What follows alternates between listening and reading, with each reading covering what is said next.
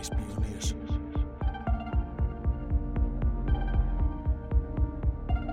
Reispioniers. Ja, ja, ja. Welkom beste mensen bij een Reispioniers boekverslag deze keer. En dat met eh, de enige echte Peter Westorp, de schrijver van de Evenin-legende. En wij zijn hier even om te bespreken hoe dat zo al is gegaan. En eh, hoe Peter ertoe is gekomen om überhaupt te gaan schrijven. Goeiedag Peter. Goedemorgen Jonathan. Dus uh, ik ben blij uh, om hier eigenlijk uh, tien jaar na de totstandkoming van de Evenin Legende zo eens even mijn verhaal daarover te doen. Dus dankjewel voor de uitnodiging. Ja, want jij komt hier vertellen over de totstandkoming van het verhaal. En de, de lagen, denk ik, die er in het verhaal zitten. Ja. Je gaat natuurlijk niet het boek voorlezen. Nee, misschien nog wel een klein citaatje eruit. Juist. Dat erg veel te doen heeft met toch een van de, de, een van de opmerkelijke gebeurtenissen die tijdens de hele totstandkoming uh, mij zijn overkomen. Ja, want het is een bijzonder proces voor jou geweest, als ik het goed begrijp. Hè? Dat kan je wel stellen. Ja, jij hebt uh, het een en ander meegemaakt in het proces van schrijven. Ja. ja daarover later meer. Uh, laten we beginnen bij het begin. Hoe, hoe ben je er überhaupt op gekomen om te gaan schrijven? Want jij hebt een uh, schoonmaak glaaswasbedrijf gehad. Ja. Uh, hoe, hoe is dit ontstaan? Nou, als, je, als ik dan bij het begin moet beginnen, dan is dat al voor mijn tiende jaar. Die schrijfsels heb ik nog in een, een, in een groot soort administratieboek. Dus ik begon zo rond mijn, denk mijn achtste al spontaan dingen op te schrijven. Dus dat, dat kun je vergelijken met een bepaalde spontane spel dat je gaat doen omdat je daartoe aangetrokken voelt. Uh, je gaat lekker voetballen of je gaat lekker tekenen of je gaat lekker muziek maken. Ik, uh, ik deed ook al die dingen wel een beetje, maar dit was één van die dingen. En, uh, je voelde je aangetrokken om je gedachten en je gevoelens op papier te zetten. Ja, en dat heb ik dan gedaan. En dat ging over een, een beetje mijn leven. Hè. Zo, die dagen ging ik graag met vrienden lekker alleen het bos in. Want dat, dat was okay. in die tijd normaal. het bos was mijn wereld. dus met die vrienden hadden wij daar allerlei avonturen. En dat weerspiegelde zich in die verhalen die ik opschreef. En als ik wat dan dus de inspiratie die je opdeed uit het bos, die vertaalde zich naar Juist. verhalen op papier voor op jou? papier. Daar ging zich nog uh, eigenlijk de avonturen die we daar allemaal verzonnen in het bos, werden die daar nog wat wijder uitgesponnen. En daar kwamen ook al behoorlijk wat uh, jongens in voor. Dus dat ging niet om twee jongens of drie jongens waarmee ik dan meestal was. Maar uh, dat waren er al een stuk of acht, negen misschien. En die hadden ook allemaal al eigen persoonlijkheidjes. Dat is me eigenlijk later pas opgevallen. Ik denk van verdorie, toen is dat eigenlijk al begonnen. Dat zit er dan al in. Ja. Dus merkte je toen ook dat je goed je uh, ideeën op papier kon zetten of uh, is dat later gekomen? Wat het meest, als je deze vraag stelt, wat mij later het meest uh, opviel, is dat ik een parallel kon trekken met wat ik nu bij de totstandkoming van dit verhaal heb ervaren als ik eenmaal begin te schrijven. Dat was hierbij zo en dat was toen ook zo. Dan ontspint zich als vanzelf een heel verhaal. Waar ik eigenlijk bij begin, als ik begin te schrijven, nog helemaal geen idee van heb. Maar dat tot stand komt tijdens het schrijfproces. Dat is het meest uh, uh, ja, opmerkelijke van wat toen ook al aanwezig was. En ja, uh, ja, hoe je dat dan later inschat als je dat weer eens terugleest van zo'n jongetje van acht. Dan zie je natuurlijk van ja, dat was jouw wereld toen. Maar dat kun je op allerlei manieren gaan beoordelen. Van nou ja, ja van schattig of leuk.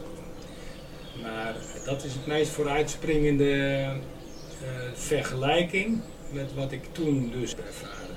En wat ik nu eh, met het schrijven van dit boek ook heb ervaren. Ja, Dus ik wist eigenlijk, wist, voelde eigenlijk dat als ik eenmaal zou beginnen te schrijven, dat ik niet op inspiratie hoefde te wachten. Dat vertrouwen was er, dat komt. Zo gauw ik begin, komt dat. ze zat eigenlijk al eh, heel vroeg zat er een schrijver in jou. Waarschijnlijk wel, op, op, op die manier. Ja, En, en niet om opleidingen te gaan volgen om schrijver te worden. Want dat kun je op, ik weet niet hoeveel manieren gaan doen.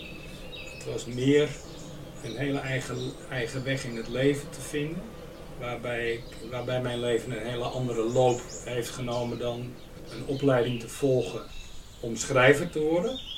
Alleen één ding, die, laat ik dan maar noemen, die inspiratie van dit stuk van mijzelf, in combinatie met de interesse van mijn leven, de manier waarop ik in het leven sta, met, met, met al zijn, eh, wat ik wil zeggen, met al zijn interesse en belevingskanten, dat, dat drong zich toch altijd vanuit een soort diepte in mij Ja. op. En ik ging daar eigenlijk soms ook wel een klein beetje onder lijden, dat ik het erg druk had met mijn eh, bedrijf. En dan ging ik voelen dat er een stuk creativiteit in mij graag bevrijd wilde worden. Maar en als we die stap, die brug dan kunnen maken naar het moment dat jij dus echt bewust werd dat je aan de slag wilde gaan met deze trilogie, want het is nogal wat. Ja. Eh, hoeveel bladzijden eh, hebben ze? nou, dan zit je eh, toch wel denk ik rond de 900 eh, pagina's. als ik Alles bij elkaar 900 pagina's. Ja. 300, ja, drie keer, drie keer plus minus eh 300. Ja, dus eh, rond de 900, dus dat is een behoorlijke pil. Ja. En jij hebt ooit eh, de keuze gemaakt van, nou, nu ga ik echt aan de slag. Hoe ging dat? Ja, dat, ging, dat is ook in stappen gegaan. Eh, je kan een, ja, het is moeilijk om een absoluut moment daarin te prikken. Ehm, want dat is in stappen gegaan, wat ik al zeg. Maar als ik dat dan toch doe, dan kan ik zeggen... de meer directe aanleiding waardoor dit boek uiteindelijk tot stand is gekomen... of deze boeken kun je zeggen, deze trilogie... dat is begonnen op het moment dat ik toch een schrijfcursus eh, via de LOE heet dat geloof ik, ben gaan volgen. Nou, wat met eh, goed succes werd afgesloten. En die laatste opdracht was dus welke van deze 15 opdrachten zou jij zelf nu uitzoeken om verder uit te werken eh, als, tot, tot boek, tot, tot, een, tot een geschreven eh, geheel. Nou, toen heb ik er eh, van die 15 vier uitgehaald. En toen ben ik daarmee naar Lolly gegaan, jouw moeder, mijn vrouw. En dan zegt van, oké, eh, welke zou jij dan kiezen? Nou oké, ons- uiteindelijk ons beider ehm, keus viel toch wel op, op één onderwerp. En eh, dat was eigenlijk de voorloper van dit boek. Maar dat was dan Dit verhaal. ja, dat was dit verhaal. En dat was dan eigenlijk een voorbeeld van een van die dingen waarvan ik dus maar twee A4'tjes mocht opsturen. Maar waarvan ik er al 40 had. En, en dat verhaal, daar is op een gegeven moment, dat, dat, dat zei mij iets. Dat, dat, dat was al meer gaan leven binnen in mij dan dat ik mij eigenlijk eh, 100% bewust van was. Eh, Ik wil er eigenlijk nog wel even wat over zeggen. Want eh, ik ben natuurlijk na mijn VMBO bij jou gaan werken. Ja. Op een vroege leeftijd. Van, eh, ja, op mijn zeventiende. En wat er dan bij mij gebeurde was dat je je af gaat vragen van, nou ja, is, is dit het dan? Ga ik dit voor de rest van mijn leven doen? Ja. Hoe gaat het vorm krijgen? En eigenlijk het feit voor mij dat jij hieraan begon, en dat je niet alleen begon, maar uiteindelijk ook eh, afmaakte.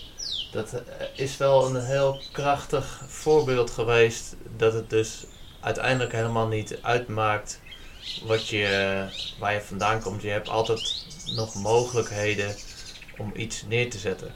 Nou, dat is heel mooi gezegd, want En dat- zo ervaar ik mijn leven ook. Nou ja, als ik dus naar reispioniers eh, kijk en mijn eh, zoektocht daarin, dan is het inderdaad ook van eh, wat brengt mensen buiten de gebaande paden. En dat heb jij in principe ook gedaan. Als je ervan uitgaat dat je, hè, jij hebt eerst in, het, in de zorg gezeten, daarna in het leger nog een tijdje meegedraaid. Ja.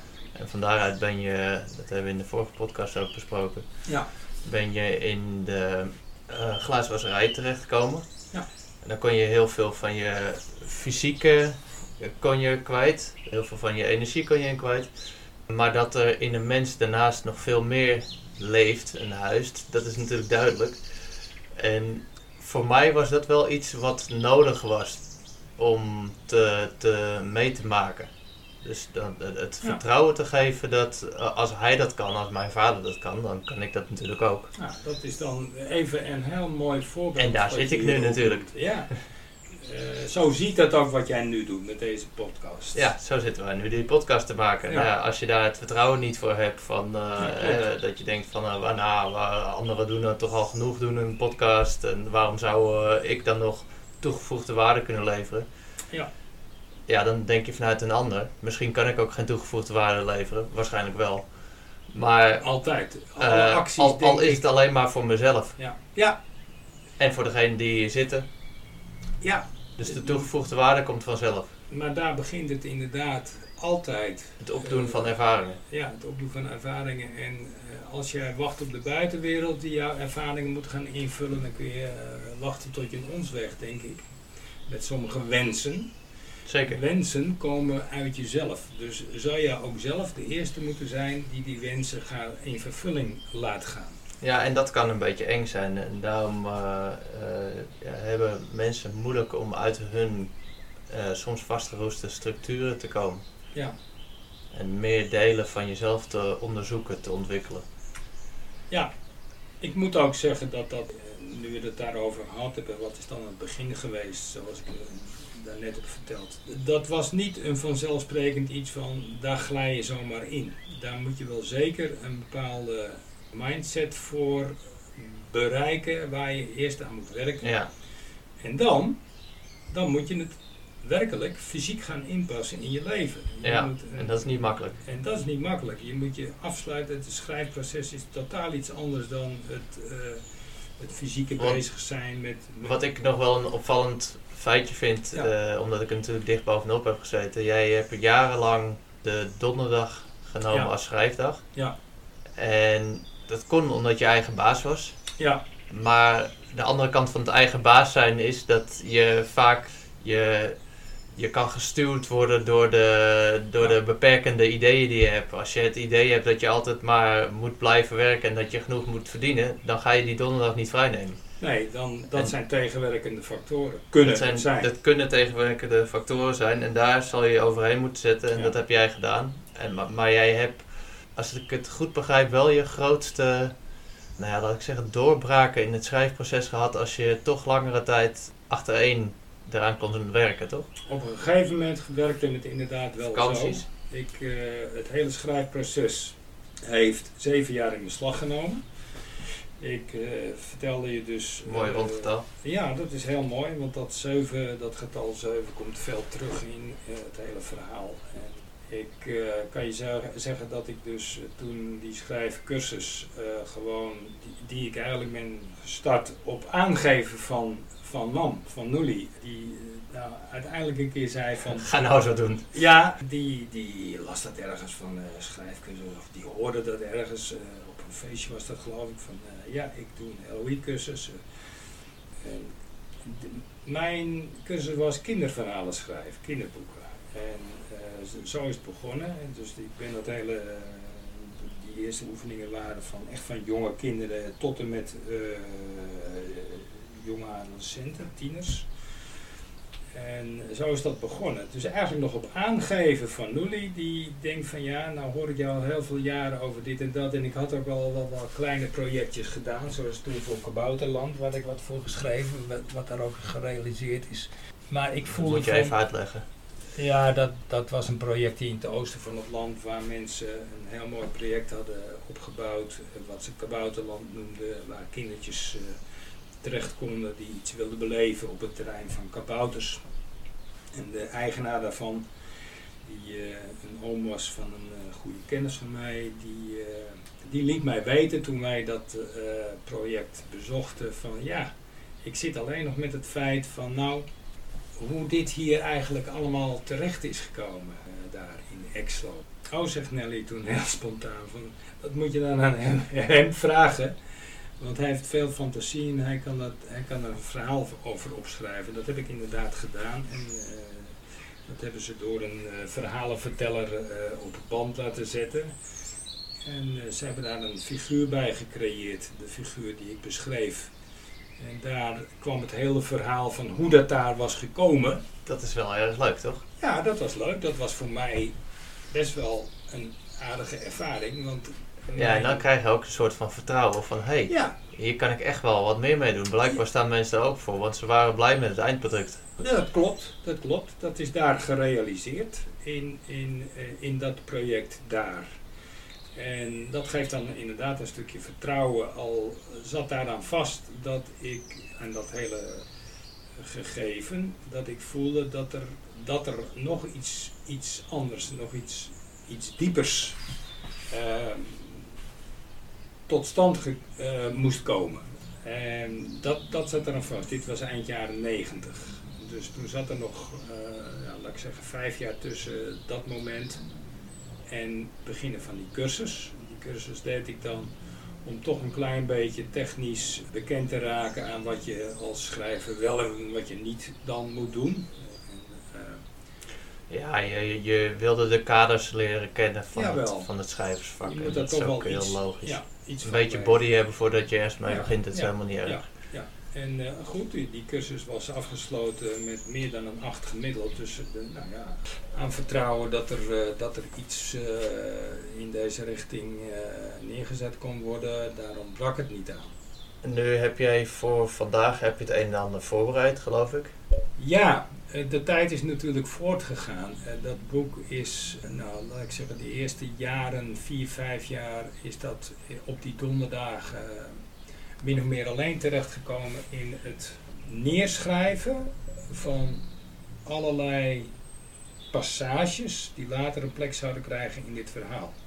Min of meer los vast. Toen dit proces een jaar of vier, vijf had geduurd, dus dan ben je al over de grens van, die, uh, van de helft van die zeven jaar, realiseerde ik mij toch wel van nou, uh, nu moet daar toch wel uh, begonnen worden met een consistent verhaal met hoofdstuk 1, hoofdstuk 2, hoofdstuk 3. En dat ging toen in versneld tempo plaatsvinden. En in die laatste twee, drie jaar is daarmee ook zijn, zijn, de dagen die ik per week in dit verhaal ging stoppen. Dus uh, de tijd die ik daaraan ging besteden, die ging allengs toenemen. Dus totdat ik op een gegeven moment zelfs in dat laatste jaar soms het merendeel van de dagen per week helemaal in dit verhaal zat. En toen ging dat ook snel. En eigenlijk ben ik nu wel heel benieuwd van vertel eens iets over het verhaal. Wat, wat, wat, wat is het voor een verhaal? Waar gaat het over? Ik wist dat ik hier zou komen om te vertellen. En daarom heb ik verschillende dingen even opgeschreven om een, even een houvast te hebben. En dat heb ik nu net afgelopen week gedaan. En dat heb ik ook twee maanden geleden al een keer gedaan. Maar dat wist ik niet meer precies wat ik daarover op heb geschreven. Dat heb ik nu weer naast elkaar gelegd. En kwam ik erachter van de week van verdorie. dat lijkt heel erg op elkaar. Dus nou weet ik gelijk. Dat zal het wel kloppen, hè? Dan zal je geen onzin praten. Dat klopt. En eh, ik weet nog dat toen ik dat dus twee maanden terug in april ook deed, dat ik toen, omdat ik allerlei documentatie toen mee had genomen, dat ik toen weer in die map keek van tien jaar geleden. En dat daar dus dingen in stonden van degene die mijn verhalen redigeren. Die vrouw leeft jammer genoeg niet meer. Uh, daar heb ik bepaalde dingen uitgelegd waarvan ik me dus helemaal niet meer kon herinneren. Maar waarvan ik wel, toen ik het teruglas hier, ik had, wij hadden een totale directe communicatie met elkaar. En de uitgeefster heeft mij later gezegd, dit was helemaal niet normaal, dat doen wij nooit. Dat gaat altijd via mij. Maar ze zegt, eh, ik, ik wist dat hier dingen zo belangrijk waren om die trilogie in één keer uit te geven. In het najaar van 2012, nu inmiddels alweer negen jaar geleden. Dat ik dat voor het eerst in mijn hele ja, eh, onderneming zo heb gedaan. En dat was heel interessant om dat terug te lezen. Wat ik het belangrijkste vond om eerst te zeggen, dan kom ik terug op jouw vraag, waar dit verhaal over gaat. De ingang vind ik, en dat heb ik opgeschreven, de intentie van waaruit het verhaal is geschreven. Die intentie is dus voor mij hoofdbepalend geworden voor de hele inhoud van dit boek. Die intentie die moest overeenkomen met de ziel van het verhaal. De ziel van het verhaal, dat is dus eigenlijk iets dat onder alle beschreven handelingen en gebeurtenissen ligt. Dus dat kan iets zijn wat je, dus dan doe ik op het feit iets dat je moet aanvoelen als je de beschrijvingen leest. Als je dat dan vergelijken wil met je, met je eigen leven, dan kun je zeggen van nou, is dit het allemaal wat ik hier uh, allemaal rond mij heen zie? Of ligt er nog een diepere bedoeling achter? Ja. En dat hangt dan weer af van sta je zo in het leven of niet. Als je zover bent, dan kan je verschillende lagen in je verhaal lezen. Ja, inderdaad. Daar, daar komt het dan op neer. En daarom is het zo moeilijk om dat zomaar aan iedereen uit te leggen. Dat dat hier zo werkt. Dat is de diepste intentie van mijn verhaal. Daar ligt Ja. een laag onder de oppervlakte. Een van de dingen die mij het eh, meest opviel aan jouw boeken is dat, en wat ik het allerknapste vond, was dat je heel veel lijntjes opent, verhaallijnen, eh, maar dat je er geen enkele vergeet om ook daadwerkelijk weer op terug te komen Klopt. uiteindelijk. Klopt. Dus jij- Er gebeurt dan niks zomaar. Ja, dat is dan En ook precies- dat is meteen een diepere laag. Niks Ja. gebeurt zomaar. Klopt, dat is dus een van de dingen die eh, dit hele principe dragen. En dat heb ik dus hier als tweede punt Maar dat is ontzettend lastig.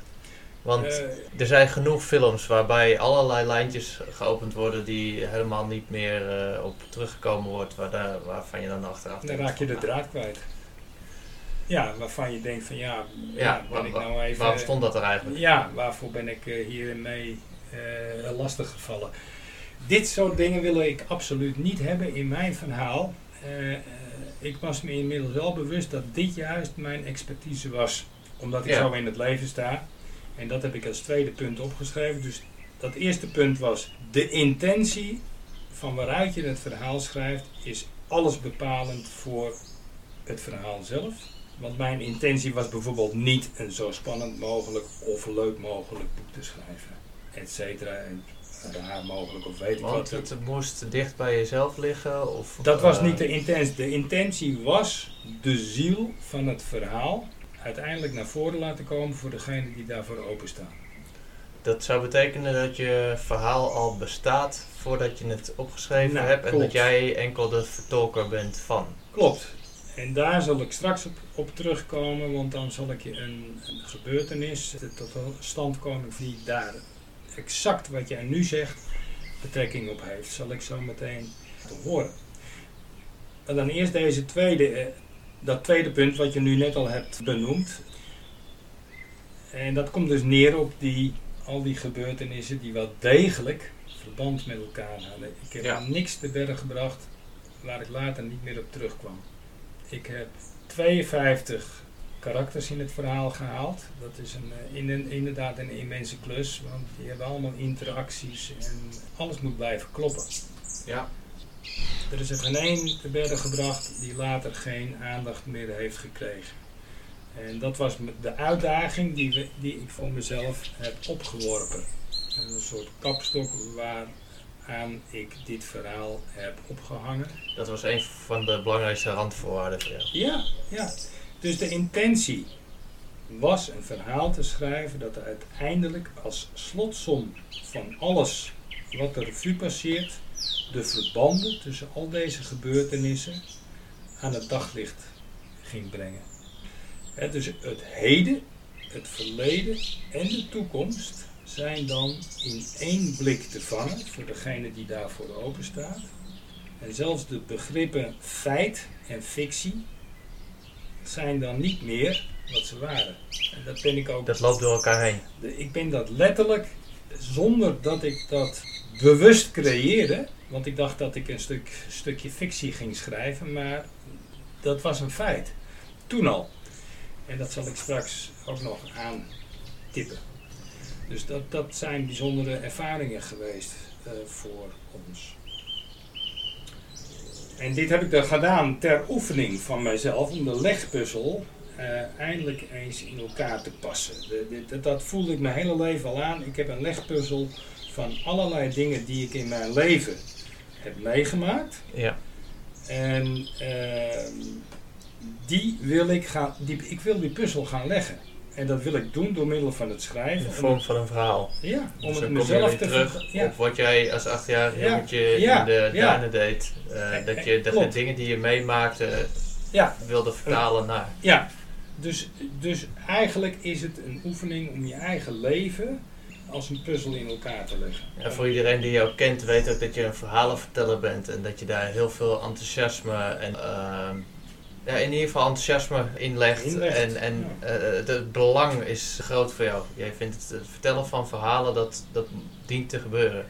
Ja, Niet alleen door jou, maar ook door anderen. ja. Ik ben daar nu ook weer mee bezig, even met een project van eh, een, goede vriendschap van mij, die dus nu al een halve eeuw duurt. En dat vier ik door middel van het, eh, het, het- het op deze manier ook weer opschrijven van hilarische dingen die we samen hebben meegemaakt. Dus, dus, en, en dan kom ik erachter dat ik tijdens dit schrijven, dit, in de afgelopen dagen, dingen ga voelen die, in, die in, nou, vanaf een halve eeuw geleden zijn gebeurd, waarin ik ineens opmerk dat ik weer precies voel wat ik toen ook voelde. Dus je krijgt hernieuwde toegang tot de Ja. ervaring die je toen Ja. eh, hebt gemaakt. Ja, Dat, dat moet eh, waardevol zijn Dat is- van dat een, is eh, een beste vriend. Ja, dat is zeer waardevol. Want eh, niet alleen voor die vriendschap zelf, maar ook dat je op dat moment dat je dat dus weer opschrijft en achterkomt, dat je weer diepere lagen gaat herkennen Ja, van dingen waar je toen nog niet eens echt bij stilstond. Maar nu vanuit een ander perspectief, omdat je ouder bent geworden, omdat je weer meer dingen hebt meegemaakt, ga je ook weer andere aspecten toevoegen, waardoor je ineens een, nog een, een rijkere kijk krijgt op wat er toen gebeurd is. Ik ben het helemaal met je eens. Ik ben de laatste weken mijn eerste ayahuasca-ervaring eh, wezen beschrijven voor Ja, reispioniers. Nou, en kijk. daaruit is, naast dat je weer terug in de ervaring komt, is er nog een eh, hernieuwd inzicht ontstaan die ik Ja. toen al had tijdens dat het gebeurde, maar die ik daarna vergeten was. ja, klopt. En die kwam nu terug tijdens het opschrijven. En dat is dan zeven jaar later inderdaad. En dat is nogal een, een inzicht geweest die heel veel veranderingen heeft gebracht. Terwijl die onbewust is binnengekomen. Ja. Klopt.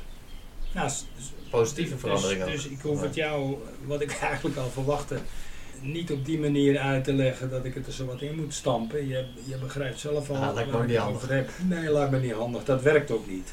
En daarom is het wel prettig om met iemand dat Daar hebben we de persconferenties voor. Wij doen het gewoon op onze eigen manier. Ja, dat, het, eh, dat, het, eh, dat je het beide weet eh, tot op eh, behoorlijke hoogte waar je het over hebt. Dat, dat moet ik ook eerlijk zeggen. Ik bedoel, dat werkt ook niet als je iemand tegen je over hebt die bij God eigenlijk niet weet waar je het over hebt. Dus daarom doe ik dit hier dus wel. Ik kan hier gewoon mijn verhaal vertellen. Jij hebt natuurlijk al tientallen uitnodigingen gehad die je gewoon naast je neer hebt gelegd. Eh, in de wereld draait door ga ik niet zitten, want dat gaat allemaal te snel voor mij. Bijvoorbeeld, Ja. daar heb ik wel eens naar gekeken en dat ik denk van nou op zo'n manier zou ik mijn verhaal niet willen en niet kunnen vertellen. Nee. En, Nee, duidelijk. eh, Nou ja, ga verder. Ja, nou ja, kijk, ik heb hier dus nog meer puntjes neergeschreven, maar eigenlijk hebben we ze al aangetipt.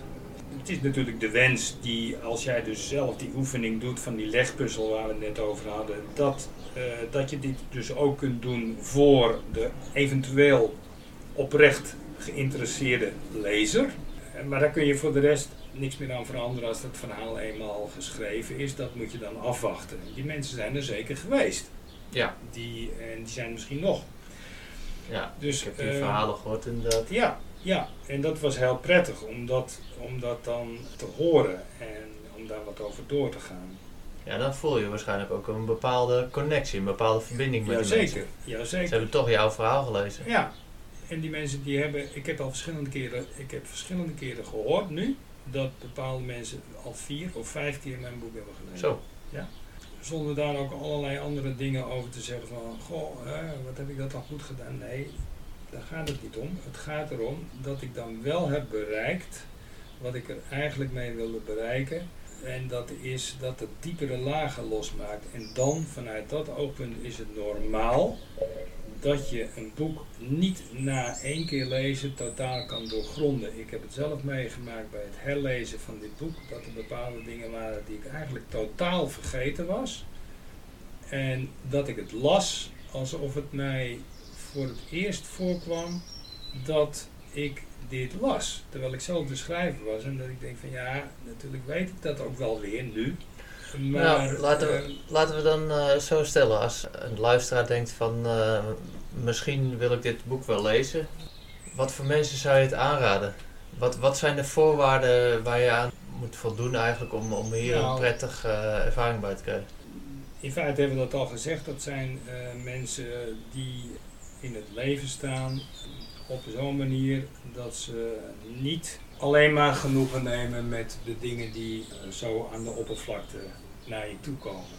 Dat je dus min of meer toch wel een onderzoekende geest wilt opbrengen om te, op zijn minst te vermoeden dat er achter alle dingen die je meemaakt in je leven een diepere bedoeling ziet. Die niet zomaar, die zich niet zomaar. Het is dus fijn als je de voorgeschreven werkelijkheid los kan laten als je Dat- in het verhaal. En dat je zeker je- die vragen. Je mag het lezen als fictie en het is Ja. nog leuker als je het kan lezen met het idee dat er een diepere laag achter Ja. zit. Ja, en dan. Zo is het wel bedoeld natuurlijk. Ja, als je alleen maar die, ik zeg, die letterlijke tekst hier hebt gelezen, zonder de ervaring opgepikt te hebben van diepere laag, dan vind ik wel dat je iets mist. Eh, deze mensen die ik dus heb gehoord, die dat al verschillende keren hebben gelezen, die hebben exact dat gedaan wat ik zelf ook al met een paar boeken heb gedaan, die ik al verschillende keren heb gelezen, dus bedoel ik Andere boeken, ja. andere boeken.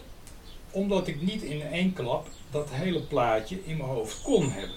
Omdat het namelijk eh, zoveel aspecten beschrijft, zo'n verhaal, zo'n boek, eh, dat het tijd nodig heeft om in te zinken. Ja, ik ben inderdaad nu ook weer eh, met een boek bezig om te lezen voor de tweede keer. En dan komen er nog steeds weer nieuwe inzichten Ja. en ervaringen bij je binnen. Dat, dat is eigenlijk heel prettig. Ik vind het ook wel eens heel erg lastig om een boek eh, vaak te lezen, maar het is ook heel prettig. ja dat dat is ook dan weer een stap waar je soms overheen moet. Ja.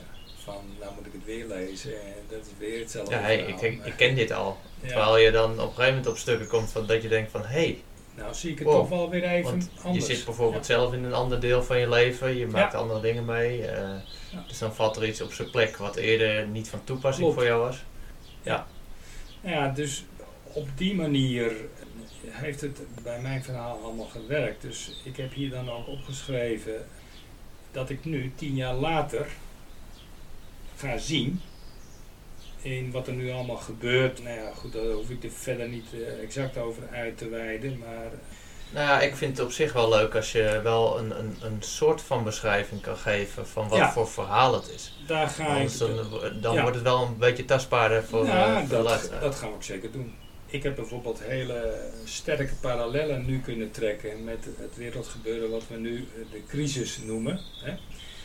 Coronacrisis, Coronacrisis, met alles wat erop in instituten, allemaal. alles. Ik denk dat ik weinig mensen hoef uit te leggen wat er gebeurt. Maar als ik dus terugkijk naar de, de grote lijnen van wat er in dit verhaal gebeurt, dat er dus een volk op het punt staat knecht te worden door wat wij het kwaad noemen. Ja. Totaal met lockdowns, wat je hier dus ook in kunt hebben. ja, we leven nu in 2021. Dat is voor de toekomstige luisteraar misschien Ja. wel interessant. Ja, en dat is dus eigenlijk al zo'n tien jaar na de totstandkoming van dit verhaal. Ik heb toen alleen de inleiding en de, en de uitleiding nog geschreven. Die met mooie woorden de, de ascensie en de descensie heb genoemd.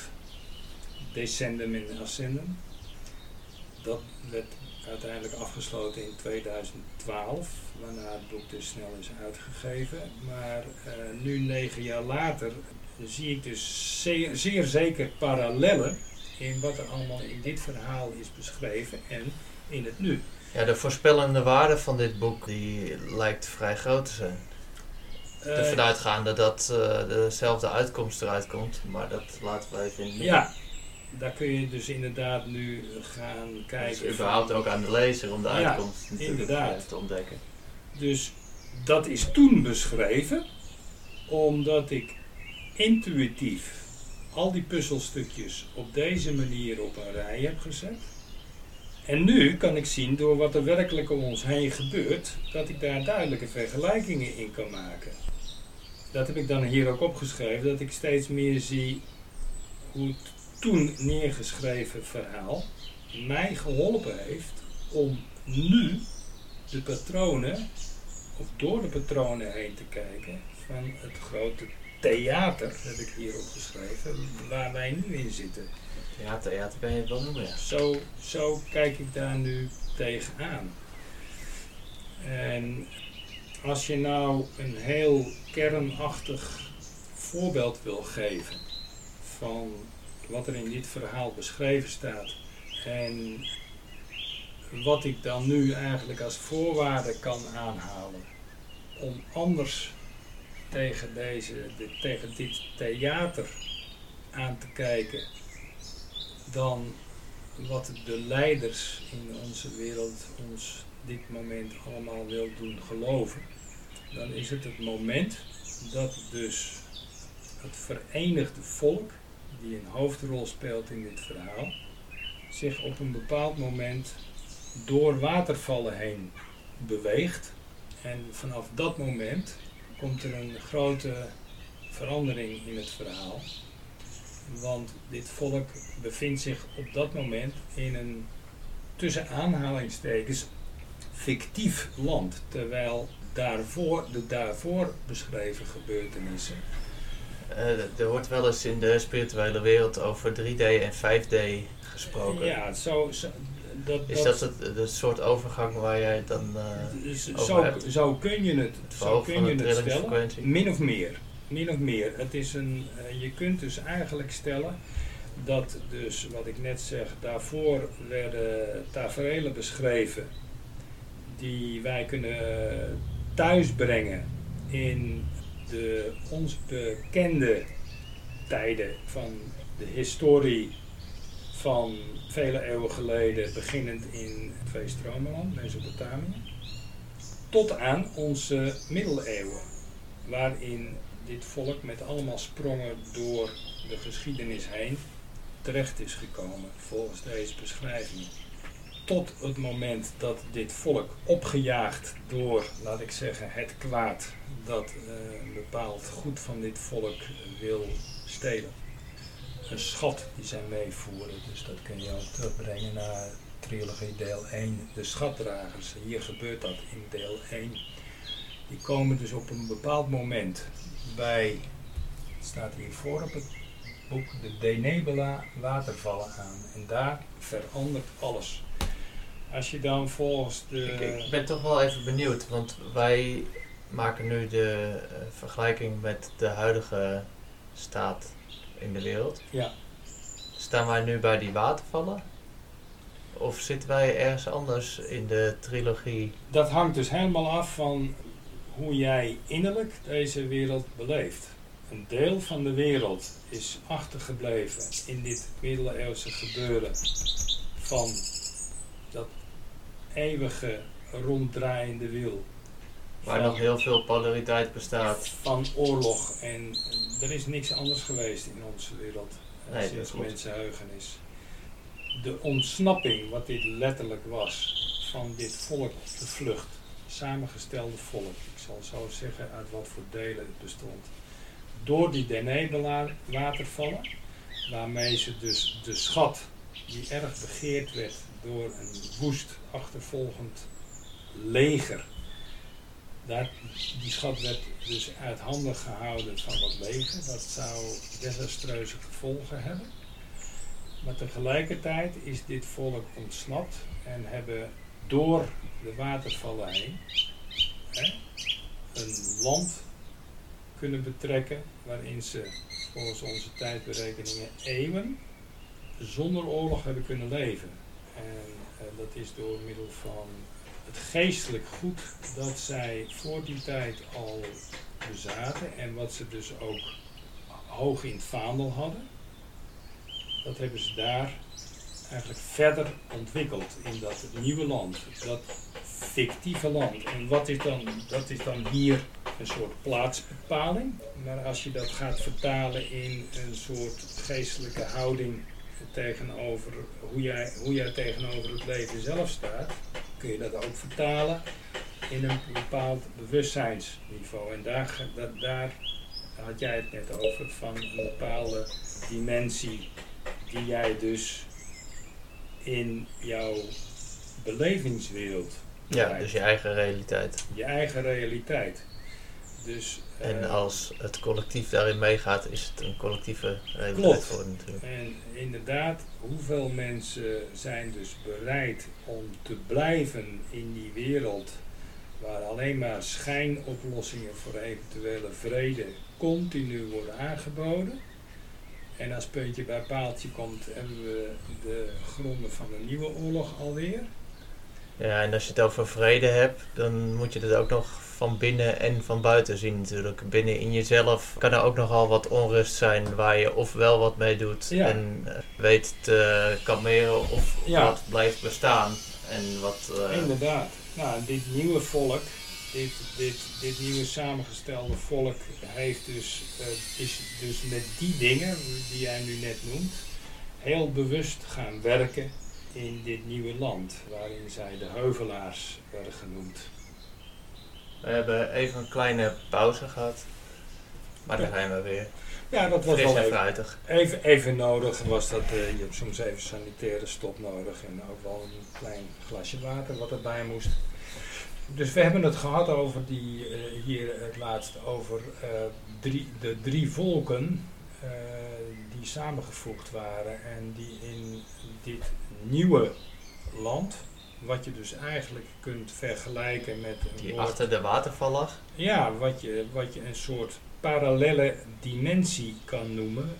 eh, wat dit volk vanaf toen is gaan beleven. Want zo zie ik het nu, dus duidelijk. En wat ik daar toen al onbewust als een soort intuïtie in voelde, is dat dit een bepaalde bedoeling had. Ik zal uitleggen waaruit dit samengestelde volk bestond. Ten eerste uit om daar maar mee te beginnen, een groepje monniken die veel eh, parallellen heeft met het, het oude Bijbelse volk, het, eh, het volk van Israël, het volk van Abraham, Isaac, Jacob, van Mozes, David. Als je bij de werkelijke waarden van dit volk begint, dan was hun verbinding met hun schepper gef- gefocust, eh, laat ik maar zeggen, samengebald in één object, een fysiek object.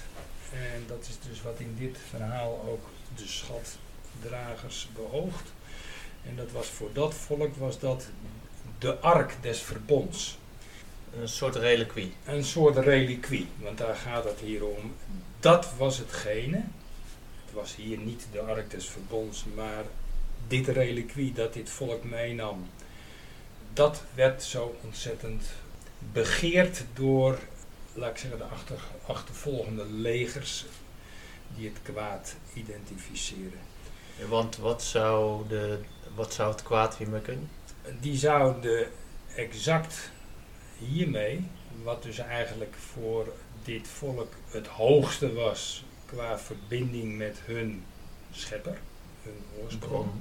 Zou dit voor, juist voor vernietiging misbruikt worden. Dit, dit, dit had ook de kracht in zich dat als de keuze van de gebruiker van dit reliquie daar kwade bedoelingen mee heeft, dat ook de kracht van deze kwade bedoelingen desastreus kon zijn voor, laat ik zeggen, het hele wereldgebeuren. Ja, dat, dat is natuurlijk iets wat je overal ziet in het klein. Eh, Klopt. Ik, ik zeg altijd, eh, als je een mes hebt, dan kan Ja. je er een broodje mee Ja. smeren, maar je kan er ook iemand mee neersteken. Inderdaad. En hoe krachtiger het reliquie natuurlijk wordt, Ja. hoe meer die kan gebruikt worden voor zowel Klopt. het goede als het Als het kwade. kwade. En Daar komt wist verantwoordelijkheid bij kijken. Ja, daar komt een hele hoop verantwoordelijkheid bij kijken. En dit wist dus het achtervolgende leger, met name bepaalde figuren die achter deze legers, de opdrachtgevers voor deze actie leefden,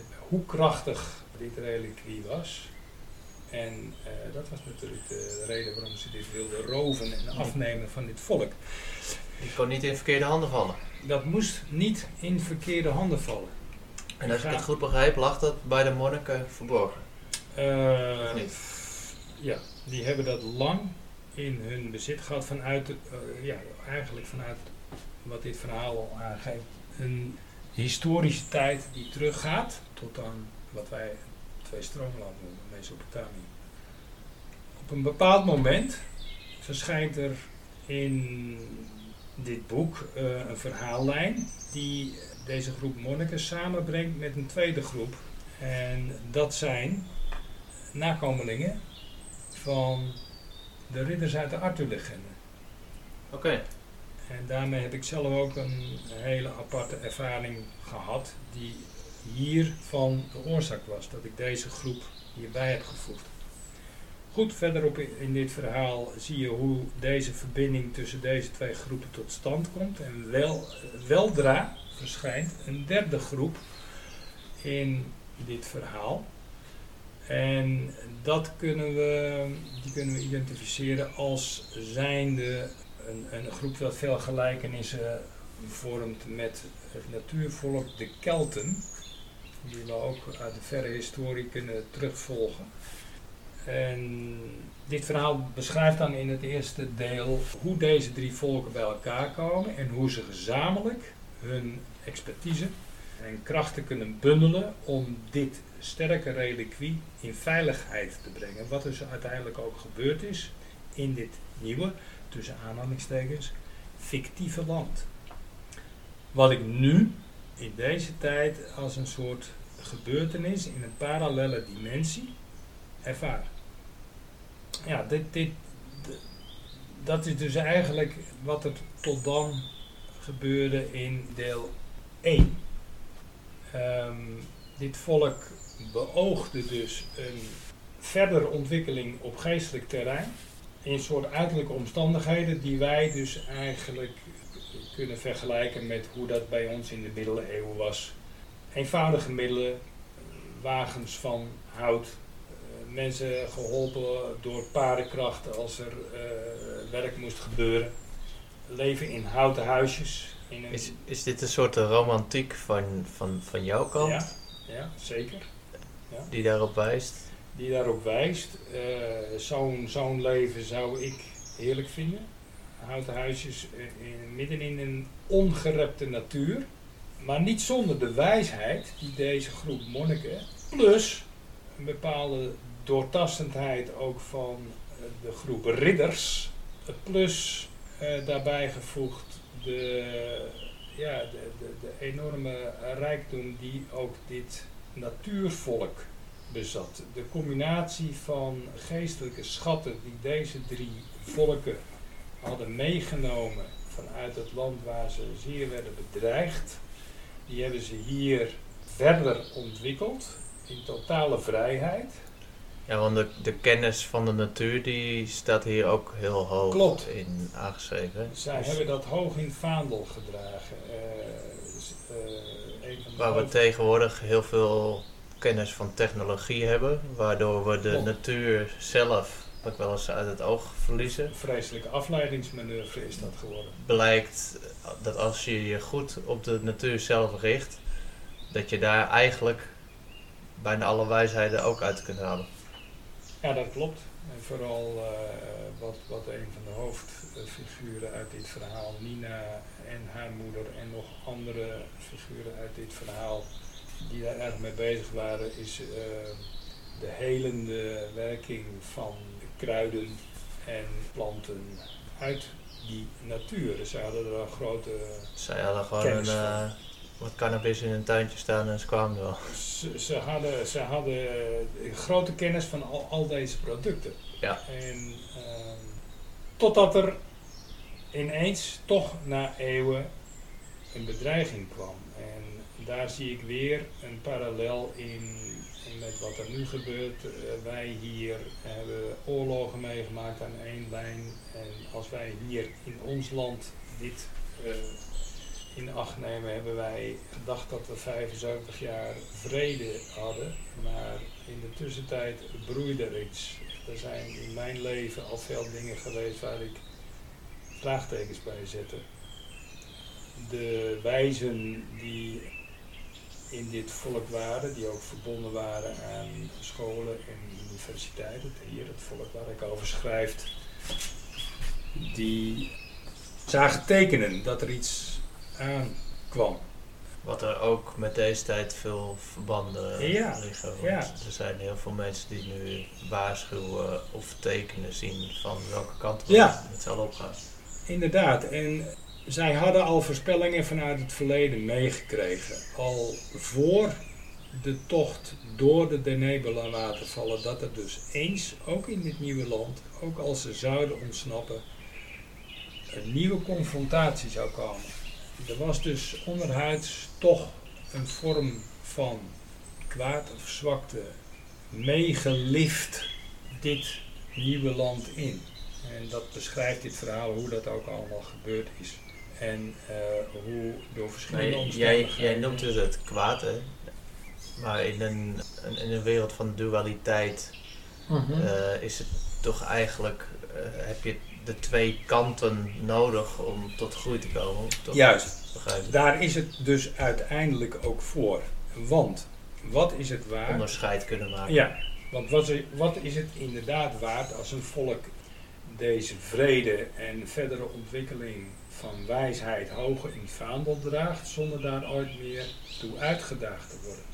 Je zal eens uh, je kracht moeten kunnen bewijzen en tentoonstrijden om werkelijk weerstand te bieden tegen dat wat zij kwaad noemen.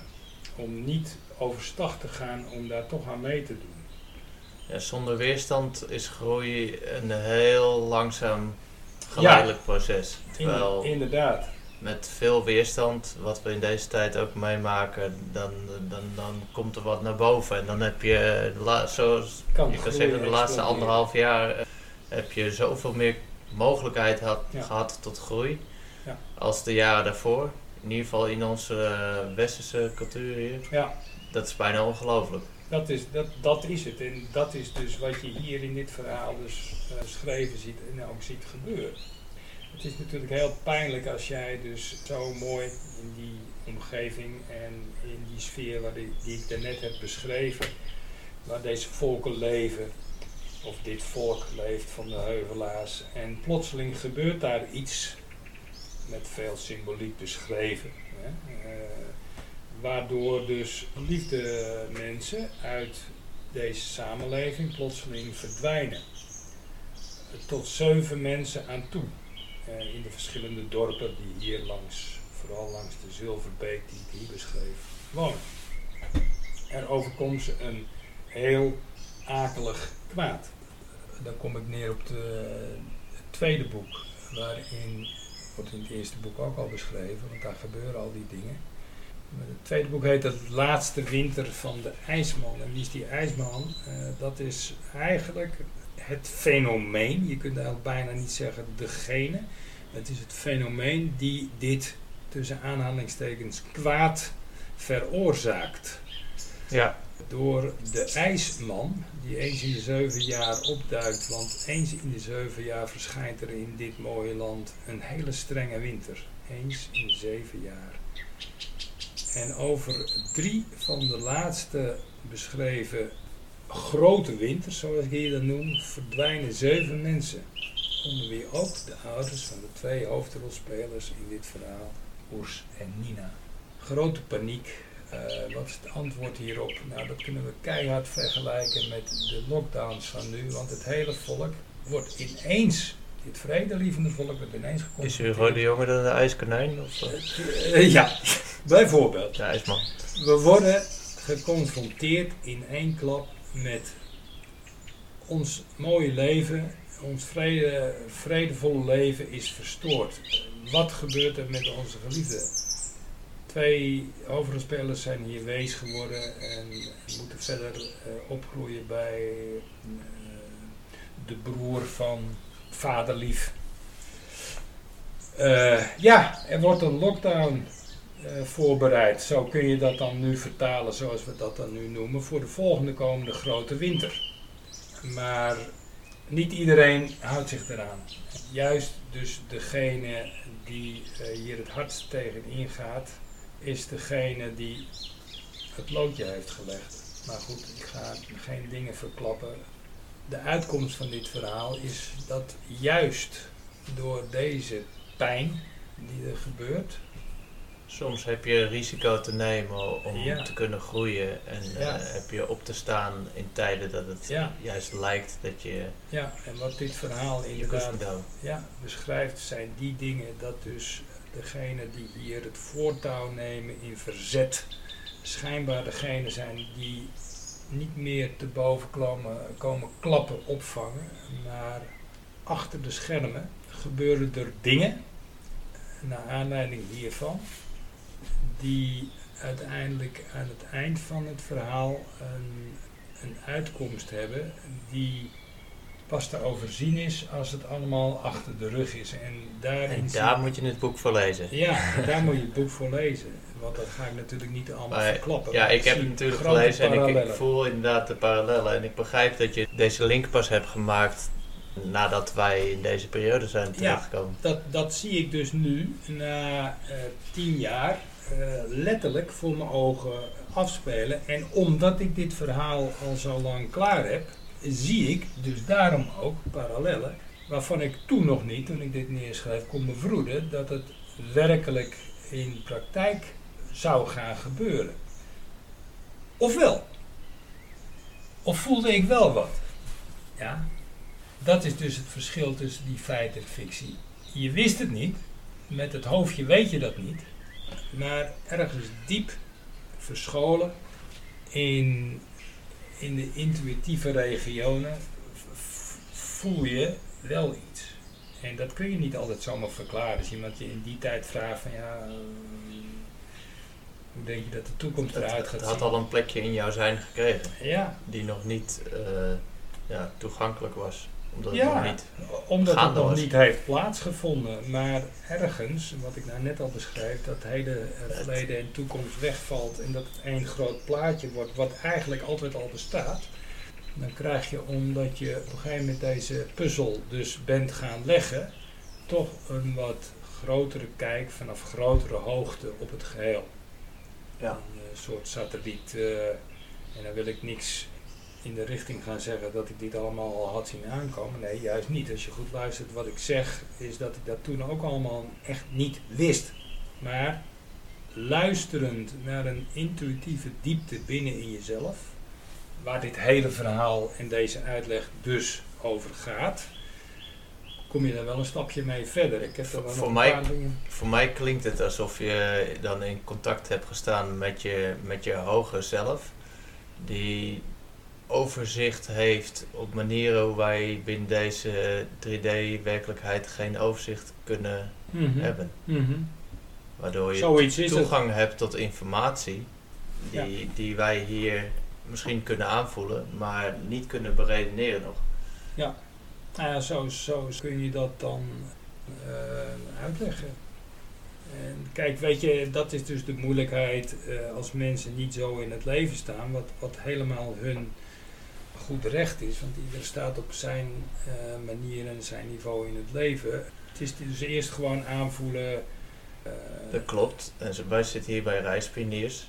Dus wij uh, ja. willen wel op de hoogte raken van zaken die we waarschijnlijk nog niet kunnen weten. Ja. ik, ik, maak dit letterlijk om mijn wereld te verbreden. En misschien andermans wereld te verbreden, het zicht te verbreden. Ja. Dus wat dat betreft uh, maakt het niet zoveel uit dat er ook mensen zijn die er niet in mee kunnen gaan, toch? Nou, zo is dat. Je bent vrij om naar dingen te luisteren waarnaar je wilt luisteren. Je moet resoneren. En als het resoneert, dan ben je hier aan het juiste adres. Doe het dat niet, dan kun je beter wat anders doen. Ja. En zo blijft dat. Kijk, nou, wat je nu net hebt opgenoemd is die dingen dat er dus een soort verbinding staat met, dat kan je allerlei namen geven, je, je, hogere zelf, ook gidsen, gidskrachten die daaraan verbonden kunnen zijn, dat kan alles zijn. Dan wil ik teruggaan naar een bepaalde passage in, precies midden in boek 2. Ik wil een voorval, dat had ik beloofd, ik zal er nog een paar naar voren halen. Ik wil een voorval beschrijven uh, wat gebeurde. Terwijl ik dus met deze trilogie al. Ja, want jij hebt bijzonder veel meegemaakt in het proces van schrijven van dit boek. Er is je heel veel informatie toegevallen via dromen en via bijzondere gebeurtenissen, synchroniciteiten, zoals je dat uh, in het voorgesprek benoemde toen wij dus precies op de helft, wij zeg ik, ik, ik heb dit geschreven en ik ben daar erg mee geholpen door uh, mijn vrouw Noelie, die alles wat ik met de hand opschreef heeft uitgetypt. En zij was ook de eerste die, als ik weer een nieuw deel had geschreven, dit aanhoorde en daar commentaar op gaf van, nou, uh, goed of niet helemaal duidelijk. Dus zij heeft mij enorm geholpen. Daarom zeg ik wij. En als ik wij zeg, dan waren dat ook deze twee mensen, mijn vrouw en ik, die op een bepaald moment toen opa en oma nog leefden, in het huis kwamen van uh, opa en oma. En dat was... Jouw ouders? Mijn ouders. En dat was precies op het moment dat wij halverwege waren met deze hele trilogie. Dus dat was eigenlijk op het moment waarin ik kan schrijven dat Oers een van de hoofdpersonen uit dit boek een soort eenzame voorbereiding had. Hoog in het noorden van een land, op een plaats die Aldo Mora heet, bij de Blokhut. Daar was hij maandenlang geheel alleen heen gegaan om een voorbereiding te treffen voor een confrontatie met deze ijsman dit mysterieuze wezen dat de verdwijning van zeven van zijn volksgenoten had veroorzaakt. Toen ik daar was, toen ging het in het verhaal ook werkelijk over in alle eenzaamheid dat hij daar dus was. En hij was natuurlijk eenzaam als je zeven maanden lang niemand spreekt. En alleen in een enorm woud zit. Waar ik het net over had, contact met je geestelijke gidsen. En daar was ik aan toe en ik zou dat gaan beschrijven en ik weet nog niet precies hoe. Wij kwamen toen op dat moment bij uh, jouw opa Joop en oma Greet op bezoek en daar hing al bijna 40 jaar lang een bord, een serviesbord aan de wand. Dat hadden ze daar in 1973 opgehangen. En uh, dat hing er nog. Dus die tekst, die kende ik natuurlijk door en door. Want ik had dat bord zelf van die tekst voorzien. Op mijn vijftiende jaar. Nog een uh, voorbode van jouw schrijvers uh, Nog een voorbode. Leven. Niet alleen het feit dat Oers, de hoofdpersoon in dit verhaal, op dat moment dat wij dit bezoek aflegden ook 15 jaar was. Maar ook de gebeurtenis die toen volgde, die, die, die bracht er een beetje kippenvel bij. Want wat gebeurde er als jij dus inderdaad al bijna 40 jaar uh, dat bord aan de, de, wand ziet hangen, dan weet je wel wat erop staat. Want ik was ook zelf degene die dat geschreven had. Dan ga je niet iedere keer als je daar langs loopt weer opnieuw die tekst lezen. Al was het al wel duidelijk dat dat een tekst was die voor een 15-jarige knul, die ik toen was, toen ik dat daarop schreef, ook niet alledaags was. Ik zal hem zo voorlezen. Maar wat gebeurde er? Wij namen afscheid op die dag en uh, ik zou wellicht weer thuis verder schrijven aan mijn verhaal, want het proces was goed op gang gekomen.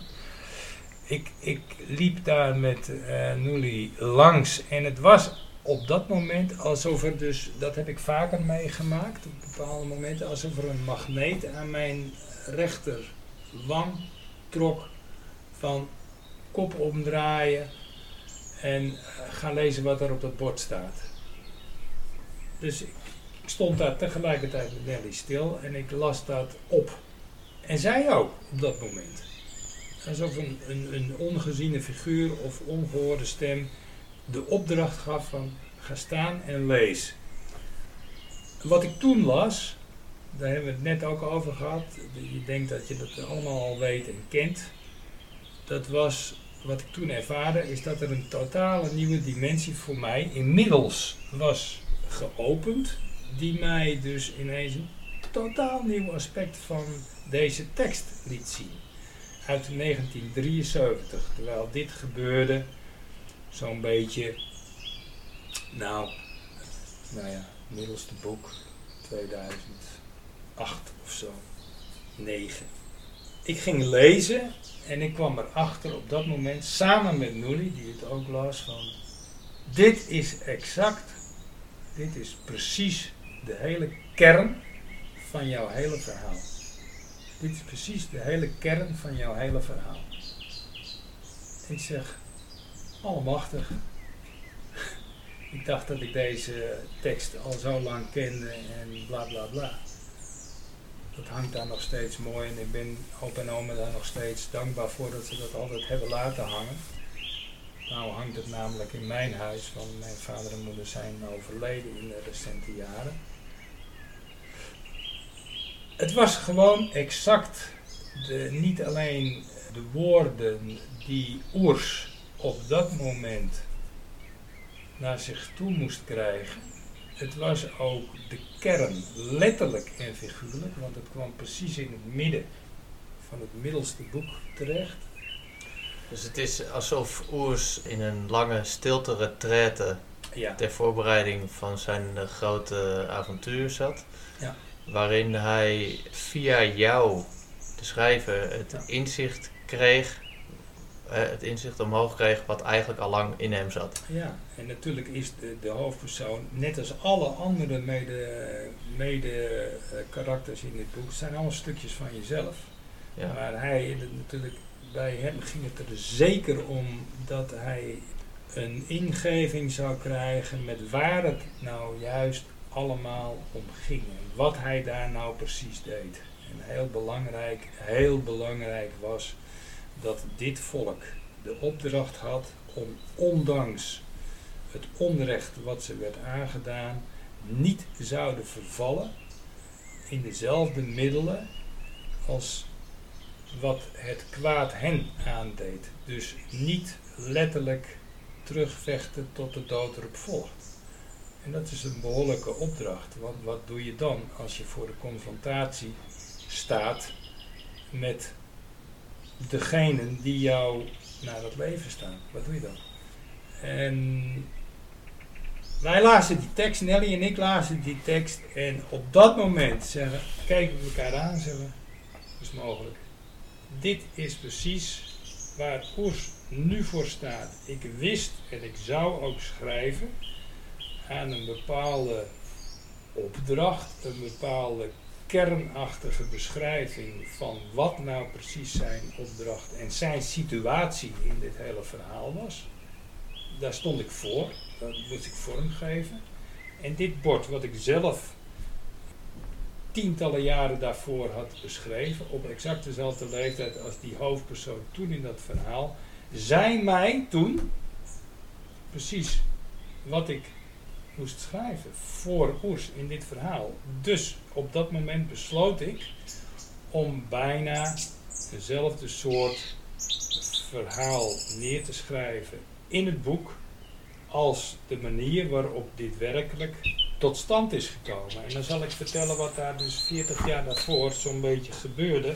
Toen ik een jongen van 15 was en een, op een goede middag uit school kwam en bij mijn moeder thuis. En uh, die was druk en die was aan het koken en de was aan het doen tegelijk. En uh, die uh, had dus een van die mooie serviesborden van hun trouwe even gauw op het gasfornuis gezet.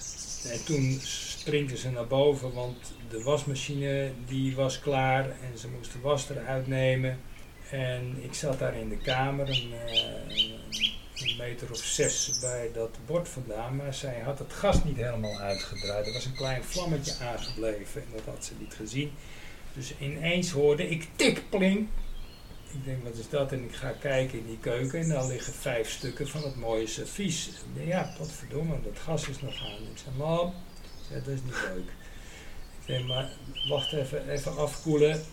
Dus ik kwam naar beneden, wat is er dan? Ja, ik zeg, dat, dat gas was nog aan. Nou, jammer. Even afkoelen, ik pakte een, een handdoek. Ik zeg, het is wel jammer, maar ik had een ingeving op dat moment. Ik had ooit gehoord van hoe sneller je dat lijmt, en ik had goede lijm boven, hoe sneller je dat lijmt, hoe beter het weer pakt. Dus in een handdoek die hete delen naar boven, even laten afkoelen, meteen gelijmd en tegen elkaar aangedrukt in die handdoek liggende en afgebleven.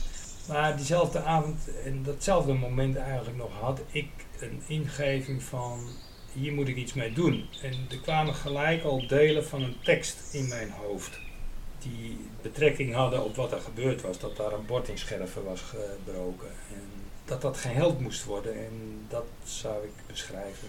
Dus in een paar regels heb ik dat er de volgende ochtend met glasverf en een heel dun penseeltje opgeschreven. Het was goed gepakt, hij zat stevig in elkaar. Ik heb het erop geschreven. En toen het er stond, denk ik, dat het vloeide zo uit die pen. Er zat al alleen één puberaal foutje in, want ik had het woord littekens gebruikt, maar dat had ik met een D geschreven. Littekens. dus dat puberale foutje staat nog op dat boek. Alleen hier in Oers zijn boek heb ik dat wel verbeterd. Op het bord staat het nog. Op het, bord, op het bord staat het nog met littekens. Ja, met dat kan niet zomaar veranderen. Hè? Nee, en dat ga ik niet doen ook. Dat is min of meer eigenlijk de aanwijzing van kijk, ik was nog maar een pubertje. De volgende ochtend stond die tekst daar. Ik heb er uh, zonder het bord verder te beschadigen een gaatje ingeboord, een touwtje erin gedaan. En het werd aan de muur gehangen, want oma vond dit wel een hele speciale tekst. Dat bord is aan de muur gehangen in 1973, oktober 73 denk ik. En dat heeft er uh, tot op de dag dat, ze, dat ik zelf het huis leeg heb gemaakt omdat ze waren overleden, heeft het daar gehangen. En nu hangt het dus gelukkig nog heel bij mij thuis. Ja, dat is een uh, bijzondere, bijzondere lange periode natuurlijk om iets... Uh, uh, ja, ik ben zo blij dat dat bewaard is gebleven. En dat betekent dus ook heel veel voor me. Dus toen wij daar, Nelly en ik, na al die jaren langskwamen, wist ik van nou... Oers krijgt op dit moment, want daar stond ik net voor om dit te gaan beschrijven, hoe dan ook. Oers krijgt ongeveer hetzelfde mee te maken als ik toen met dit bord. En dan die tekst. Wat schrijf ik daar nou op? Het is maar een korte tekst. Wat schrijf ik daarop in 1973? En wat schreef ik zo rond 2010 in uh, de tweede deel van dit boek? De wereld is een in stukken gevallen bord, waarvan de delen wel degelijk in elkaar passen. Pas als de mens de lijm wil zijn, zullen de scherven aan één hechten. De barsten zijn littekens van voormalige fronten en voortekens van een nieuw geheel. Dat is inderdaad een mooie tekst. Nou ja, dat was dus niet alleen een aparte tekst voor dat jongetje van 15, waardoor ik het ook gewoon uh, aan Oers heb toegekend. Maar het feit deed zich voor dat ik toen besefte dat ik dus als 15-jarige jongetje al bepaalde patronen in mijn hele geestelijke gestel had, die dus eigenlijk de basis van dit hele boek zijn geworden 40 jaar later. Terwijl ik datzelfde feit tijdens het schrijfproces eigenlijk helemaal, dat, dat verband maakte ik niet. Nee. Dat, dat maakte ik op een of andere manier niet. En toen wist ik ineens van, verdorie, dit is al zo lang bij me. Dit verhaal draag ik dus al zo lang bij. Dat is dus voor mij gewoon het keiharde bewijs geweest van jongen, jij draagt dit al je hele leven met je mee. Dit is eigenlijk een soort opdracht voor jou geworden. En al ben je het misschien, ik weet niet hoeveel keer in je leven helemaal vergeten, omdat je het zo druk had met andere dingen. Maar dit maak jij mee op dit moment om jou met je neus op een feit te drukken dat gewoon een feit is. En dat, dat is een van de dingen die wij uh, meemaakten rond tot stand komen van dit verhaal. En uh, ja, daar wat jij net pakt, is er nadat het verhaal is, nadat ik wist dat het verhaal werd uitgegeven, of dat dat proces bezig was, dat het bij de, de, drukker lag. En toen is bij mij een, nog een gedicht, eigenlijk, ja, omdat ik vaker ook gedichten schreef ja, want het, het klinkt voor mij alsof er een, een hele nieuwe wereld is opengegaan voor jou nadat je je echt hebt verbonden aan dit boek nog. Ja, dat klopt. Er zijn allerlei ervaringen dus op je pad gekomen die anders nooit gebeurd zouden zijn, maar die wel heel waardevol zijn voor jouw ontwikkeling en voor je, voor je leven, ja. voor je welbevinden. Als ik het dus weer inderdaad vergelijk met de legpuzzel en in dit gedicht heb ik dat met een weg die je plaveit met klinkers. Uh, heb ik die vergelijking gemaakt. Maar hoe je het dan ook vergelijkt met allerlei symbolen. Als je dus één keer in je leven de moeite hebt genomen om die puzzel te leggen, wat ik ook werkelijk zo ervaren heb toen dit boek af was. Dat is een uh, puzzel met wel meer dan uh, duizend stukjes. Ja, ja. Even wat complexer nog. Juist. En toen kwam het, toen kwam het geheel naar mij terug. Laat ik zeggen, als persoonlijke beloning dat je, dat je dan uiteindelijk een keer die hele puzzel van al die stukjes die jou in jouw leven is toegegooid, maar die je nog nooit gelegd hebt, dus jij hebt nog nooit het eindresultaat kunnen zien van wat je tot dan toe in je leven aan kansen en ervaringen en de hele rattenplan waar je toe hebt gekregen, je hebt nog nooit een geheel gezien. Terwijl dat dus voor mij, dat heb ik al eerder hier verteld in dit verhaal, het geheel te zien en de verbanden tussen alle losse stukjes, dat had ik toen één keer wel. En dat gaf een soort voldoening en ook een soort verrijking om in één keer naar die platen te kijken van verdomme. Dat, uh, dat tot in het heden mij heeft geholpen ook een soort rust te vinden. En niet op die manier van zo, nou heb ik het gedaan, nou ben ik klaar, ik ga met mijn handen over elkaar zitten. Nee. Als je zoiets eenmaal hebt gedaan, dan weet je dat dat altijd zo zal door blijven gaan in je leven. Want er komen dagelijks weer nieuwe ervaringen bij. Ja, maar het is dus een voedende energie die je graag bij je houdt ook. Dat is het zeker. En om dat dus onder woorden te brengen, heb ik dat gedicht toen geschreven. Uh, in het uh, zomer, najaar. Dat, dat moet je dan soms ook nog een klein beetje bijschaven. De, eerste woorden komen en je schrijft het op. En, uh, van 2012. En dat, dat, die heb, dat heb ik genoemd de woordenwegwijzer. Ik zal het straks nog even verder toelichten. dat is het schrijfproces. Ja. Moeizaam baande ik mijn weg door onbekende oorden heen. Met woorden wegend zwaar als steen ging ik plaveien. Plavuis, gevonden in de tijd, door eigen hand gevormd, zorgvuldig bijtelend bevrijd. uit ruwe. Gedreven vervaardigd, gepast en gemeten, geduldig gelegd, betraand en bezweten. Mijn rollende blikken walsten het vlak. Mijn weg werd gestaag gepolijst. Totdat deze zelf plots de woorden sprak. Ik ben die jou de weg wijst. Mijn werk was pas klaar toen ik, blinkend in het licht, met het laatste woord de weg had gedicht. En dat is eigenlijk, eh, ja, eh, zoals ik het ervaren heb, dat je dus eerst gaat schrijven terwijl je er eigenlijk nog helemaal in onzekerheid verkeert waar het ooit eindigt.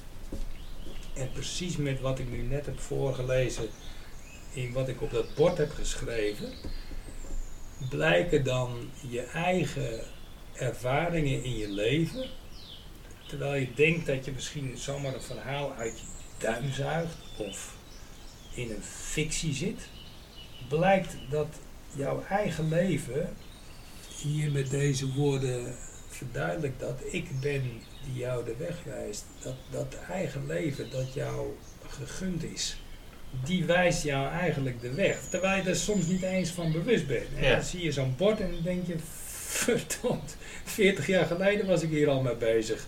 Dus, en ik dacht dat ik wist wat er op dat bord stond. Nou, ik was het dus mooi vergeten. Maar dankzij toch de, de lijn die ik gelukkig heb gehouden met het innerlijk, met de intuïtie, is het allemaal weer naar mij toegekomen. Wat ik hier ook wel een beetje in voel, is dat je via dit gedicht ook heel duidelijk de, de weg naar iets toe. eh, je hebt het dan letterlijk over de weg, maar ook figuurlijk over de weg. Maar dat je dat aan het eren bent. Want het gaat Ja. niet alleen om het eindresultaat, het Nee, gaat om klopt. het hele proces. Het gaat om het hele proces. En dat is dus inderdaad, als je dus al die dingetjes onderweg gewoon verliest. En je denkt er nooit meer aan dat dat niet belangrijk is geweest voor je. eh, dan kan je ook nooit die verbanden gaan zien. Als je een, een leven ziet, dan leidt het ene altijd tot het andere. En zodoende zijn er op welke manier dan ook altijd verbanden te vinden. Ja. En hoe, hoe moeilijker je dat ook kan vinden met je rationele brein, het, het is wat het is, ook al kan je het niet beredeneren. Ja, klopt. En ik vind dit wel een heel mooi eh, gedicht dan om, om dat inderdaad eh, te eren, om het op waarde te schatten. Ja. Want eh, pas het, het doen, het doorgaan van ervaringen, dat Ja. brengt ons pas tot nieuwe inzichten, echte inzichten, Ja, omdat dat- je het doorgemaakt hebt. Ja, dat, dat, dat, klopt helemaal. En dat wordt hier ook in het begin van dit gedicht, hè, het begint met het woord moeizaam. Want dat was het ook zeker, dat, dat ik de moeite moest nemen om dit hele proces in te gaan. eh, dat viel dus gewoon niet mee. Ik werd er ook nog eh, behoorlijk dwars gezeten door het feit dat ik al eh 30 jaar een, een Lyme-infectie heb opgelopen. Dus soms ging ik uit het drukke leven dat ik had zitten om te schrijven en dan ging ik mijn moeheid pas voelen. Dus toen zat ik daar en dan, dan moest ik eigenlijk eerst twee uur gaan liggen om te slapen en dan bleef er nog maar heel weinig over. Dus het was, Het was ook echt een proces. het was een moeizaam proces, zeker daar in het begin. En, en later... eh, Eh, wat wil je tegen mensen zeggen die eh, iets op willen zetten en die er mee bezig zijn? Of misschien zelfs tegen mij van hoe ga je om met als het even niet lukt? Of, Ja, ga, ga alsjeblieft door. Het is het alles waard. Als je voelt dat, je, dat, dat het echt niet meer gaat, nou, ik heb dat ook moeten doen. Ga dan maar liggen. Ga dan maar even twee uur slapen. En kom er weer terug naar die tafel. En eh, ja, dat hielp dan wel. Dan was ik fitter en eh, soms eh, werd ik dan weer met de frustratie geconfronteerd van verdorie. Ik had het zo goed in mijn hoofd staan, want vaak lag ik s'nachts te piekeren en te denken over hoe gaat het verder. En dan had ik hele ingewikkelde bouwwerken, omdat het natuurlijk het verhaal uit vele persoonlijkheden bestaat. ja, En dan had ik het prachtig, had ik prachtig uitgedacht. Dan durfde ik dat niet op te schrijven, omdat ik dan bang was om mam weer wakker te maken. En Ja. dan denk ik van ja, ik heb het in mijn hoofd staan. ja, dat probleem heb ik niet, eh, maar hij slaat wel voor doorheen. Nou, dat is een hele mooie, een mooi voordeel Maar dan zat ik daar uiteindelijk en dan was ik de clue kwijt. En dat was super frustrerend. Dat is een paar keer voorgekomen. En dan, dan moest ik al die handtekeningen, die, die, die, die, dat manuscript weer helemaal doorlezen. Om, om te kijken of ik ergens weer die draad kon oppakken. En, eh, en dan raakte ik verstrikt in dingen. eh, want dan dacht ik van, dat heb ik toch opgeschreven. Maar dat had ik helemaal niet opgeschreven. Dat, had ik, dat bestond alleen in mijn hoofd nog maar. Ik begrijp dat zulke dingen door elkaar heen eh, gaan Oei, lopen oei, oei, op een dat- zeker punt. Het eh, was een helse klus, maar als ik dus achteraf kan kijken van hoe is het dan toch tot stand gekomen allemaal, dat is alleen maar door één ding en dat is jouw vraag nu. Van, Mijn antwoord is dan ga dan door. Ga niet omdat het niet makkelijk gaat, gooi de boel er niet bij neer. Het is het Ja. alles waard. Je Ik- krijgt er veel voor terug. Ik ben hier nu eh, bijna anderhalf jaar mee bezig met reispioniers. Mhm. En eigenlijk verandert het eh, concept continu. Ik denk dat dat voor jou eh, ook zo gewerkt ja, heeft. Ja, ja, ja. Hoe zie jij dat in het proces? Kan je heel makkelijk dingen laten gaan om gewoon weer andere lijntjes te pakken, omdat die op dat moment aan de oppervlakte komen? Ja, Heb jij nog dingen gemist dat je denkt van nou, de- de- mijn boeken hadden echt wel beter kunnen worden als ik toen beter had opgelet of zo? Dat heb ik gelukkig niet gehad. Ik ben nog steeds even blij met dit resultaat. Ik wil niet zeggen dat het bijvoorbeeld. Ik ben geen technisch schrijfwonder of wat dan ook. Dat heeft er helemaal niks mee te maken. Ik ben al lang al tevreden dat het in een soort taal staat eh, waarvan mensen niet, niet hoeven te zeggen van jee man, onder tien woorden staat er een schrijffout in, weet je wel. Dat zal hier en daar best wel het of, geval of zijn. moest dit nou per se in Chinees? Ja, Dat kan ik helemaal niet lezen. nou, nou ja, weet je. Dus ik heb wat het, het, het technisch gebeuren betreft eh, misschien eh, net een voldoende of, of misschien wel gewoon een leuke voldoende. Het doet er niet toe. Als ik na tien jaar nog kan zeggen van wat ik hier heb opgeschreven eh, als geheel. eh, en dan vooral doelend op de inhoud van dit verhaal, daar ben ik nog steeds even blij mee. Terwijl er dus wel dat soort momenten zich hebben voorgedaan, wat jij nu net zei, dat ik op bepaalde momenten ben ik echt een bepaalde verhaallijn kwijt geweest die ik niet meer heb teruggevonden, terwijl ik dacht van, dit was prachtig. En dat weet ik nu natuurlijk ook niet meer, wat dat toen was. En dan had het boek er anders uitgezien. Maar misschien, Bizar is dat, hè? ja, misschien moet je dat dan omdraaien. Met wat jij nu net zei van, eh, heb je ooit ergens spijt van gehad, dit had ik beter moeten doen. Misschien heeft het me juist daarvoor behoed dat ik een bepaalde verhaallijn... Een bepaalde richting in ben gegaan Ja. eh, die, die het niet had moeten zijn. Nee. En, en Dat zou kunnen, ja. Die ik dus, dus niet zonder een bepaalde reden ben vergeten. Of dat ik hem kwijt ben En, en dus maakt het niet uit, want je weet dat toch niet. En dat weet je toch niet. En de uiteindelijke uitkomst en de conclusie die je dan kunt trekken van, nou, er zijn meerdere wegen die naar Rome leiden. Als jij maar vasthoudt aan, nou ja, dit wat ik hier had opgelezen, wat op het bord stond. Ja. Dat is de kern van je verhaal. En daar probeer je zo mooi mogelijk iets omheen te spinnen. En vooral het geheel kloppend te houden, wat er, er werkelijk is gelukt. Ik heb nog nooit ergens hier, nu nog niet, ineens gedacht van verdorie, daar zie ik iets dat niet klopt. Ik ben het gelukkig nooit tegengekomen. Dus het geeft nog steeds veel voldoening.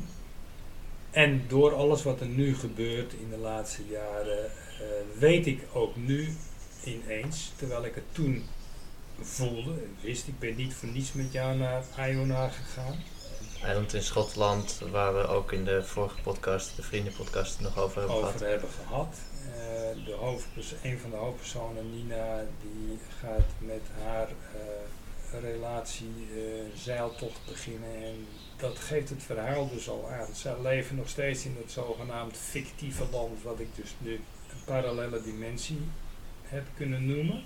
Ik voelde toen al aan dat zij daaruit moesten, of moesten, dat zij daaruit gingen, dat ze hadden gekozen om daaruit te gaan en naar een plek te gaan die wij weer een plaats kunnen geven in de ons bekende realiteit. Zoals ze ooit ook voor die de nebel Ja, ja, ja. laten vallen ooit uit zijn gegaan.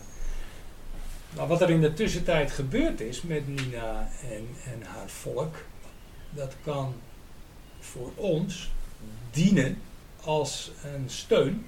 In, omdat zij dit hele proces in feite in dit verhaal al hebben meegemaakt. Van het begin tot het eind. En ook hoe de strijd met het kwaad is afgehandeld zonder dat ze zelf in oorlogshandelingen verwikkeld raakten. Dat staat hier allemaal in beschreven. En daar, wil Nina, daar willen Nina en Sil graag over vertellen wanneer zij aankomen op dat eiland waar wij met z'n tweeën geweest zijn. Ja, dat was eh, En dit, een heel ruig eiland. ja, precies wat ik hier vertel. Ja, ontzettend veel gebeurde. Ja, van veel gebeurd. Wat ik hier vertel is eh, exact het begin van het vervolg op, eh, op de Evenin-legende. En dan wil ik straks ter afsluiting, ik moet toch nog even een sanitaire stop houden, wil ik ter afsluiting nog even eh, het verhaal vertellen van Witte Beer. Want dat is toch wel eigenlijk eh, het krachtigste fenomeen geweest als we, als we het hebben over wat er allemaal, en dat is een hele lange rij aan aanwijzingen, aan synchroniciteiten die ons zijn overkomen tijdens eh, het hele schrijfproces van deze zeven jaar. En daarna ook nog. Ik ben benieuwd. We zijn na deze nieuwe stop aanbeland bij het laatste deel van de podcast. En daar eh, ga jij nog een aantal sterke synchroniciteiten vertellen die ervoor gezorgd hebben dat jij dit verhaal zo hebt kunnen opschrijven of ja, die, die extra diepte boden aan het eh, verhaal dat jij eh, hebt beschreven. Klopt dat? Ja, zo kun je het stellen. Want eh, wat ik al zei, eh, de inspiratie, wat het woord al zegt, eh, inspiratie, de spirit die in je komt, eh, zorgt ervoor dat je kunt doen wat je doet. Dat hoor je alle schrijvers zeggen, als ze geen inspiratie hebben, gebeurt er niet veel. Aan inspiratie heeft het mij dus nooit onder, ontbroken. En dat kan dus zelfs gebeuren terwijl je het niet eens 100% bewust bent, is mijn, dus nu mijn ervaring, hoe, hoe dat precies gaat. Je kunt het noemen contact met je hoger zelf. Eh, je kunt onbewust in contact staan met allerlei spirituele krachten om je heen. Wie dat ook zijn. Bekenden van je zijn, bekenden van je zijn geweest. Of je ze werkelijk een naam kunt geven, of hoe dan ook. Het gebeurt. Ja. Het gebeurt. En ik zal je nu één verhaal vertellen wat heel duidelijk dit aanwijst, zonder dat ik heb gevraagd naar een bewijs van wat nou precies die inspiratie is, is het, eh, is het wel gebeurd. In een, in een onomstotelijk iets. Misschien juist gekregen omdat ik daar niet zo achterheen zat te jagen. Op de dag dat ik het basisverhaal eh, afschreef, eh, dat is dus het, het, verhaal zonder dat stuk wat we het uh, descenden en het ascenden noemen. Dat heeft weer te maken met dat begingedicht. En daarvoor moet je het maar gaan lezen. Het, verhaal, het, het, het eigenlijke verhaal over dit volk is afgeschreven in Zweden. In het huis van onze vrienden die ons uh, dit huis beschikbaar stelden. Uh, waar ik ze heel dankbaar voor ben, want het is een prachtige plek. Uh, ja, goed, Zweden met veel minder inwoners dan Nederland heeft sowieso een zeer rustgevende... Schrijversparadijs. Ja, rustgevende invloed. We zaten daar in een prachtig huis wat een oude school is geweest. Het, het, het had allemaal parallellen. Het hele landroute, de plekken waar we zijn geweest in Zweden. 2005 voor het eerst. Dus dat was ook precies weer zeven jaar voordat ik in 2000, nee, zes jaar daarvoor, voor in 2011 dit verhaal daar afschreef. Zweden heeft mij veel inspiratie gegeven. Vijf weken bijna non-stop schrijvend om het verhaal af te krijgen. Ik, ik wist, nou moest het gebeuren. Uh, we zijn tien weken met ons camper weg geweest en uh, vijf weken zijn we daar geweest. In, uh, in en om dat huis waar ik dag in dag uit soms 8, 9 uur non-stop zat te schrijven. En ik heb nog nooit zoveel geschreven in eh, wat, wat ik ook werkelijk gebruikte. Dat gaat dus nu om de brug naar de Extemplis deel 3. Ik denk dat er in die uh, laatste dagen 60 pagina's zijn geschreven in die laatste weken. Uh, we hadden natuurlijk toch wel een klein beetje een uh, schema van wanneer we daar dus eigenlijk weggingen. En dat ging er een beetje om hangen of het op tijd af zou komen. Want er moesten nog heel veel lijntjes in elkaar geschreven worden.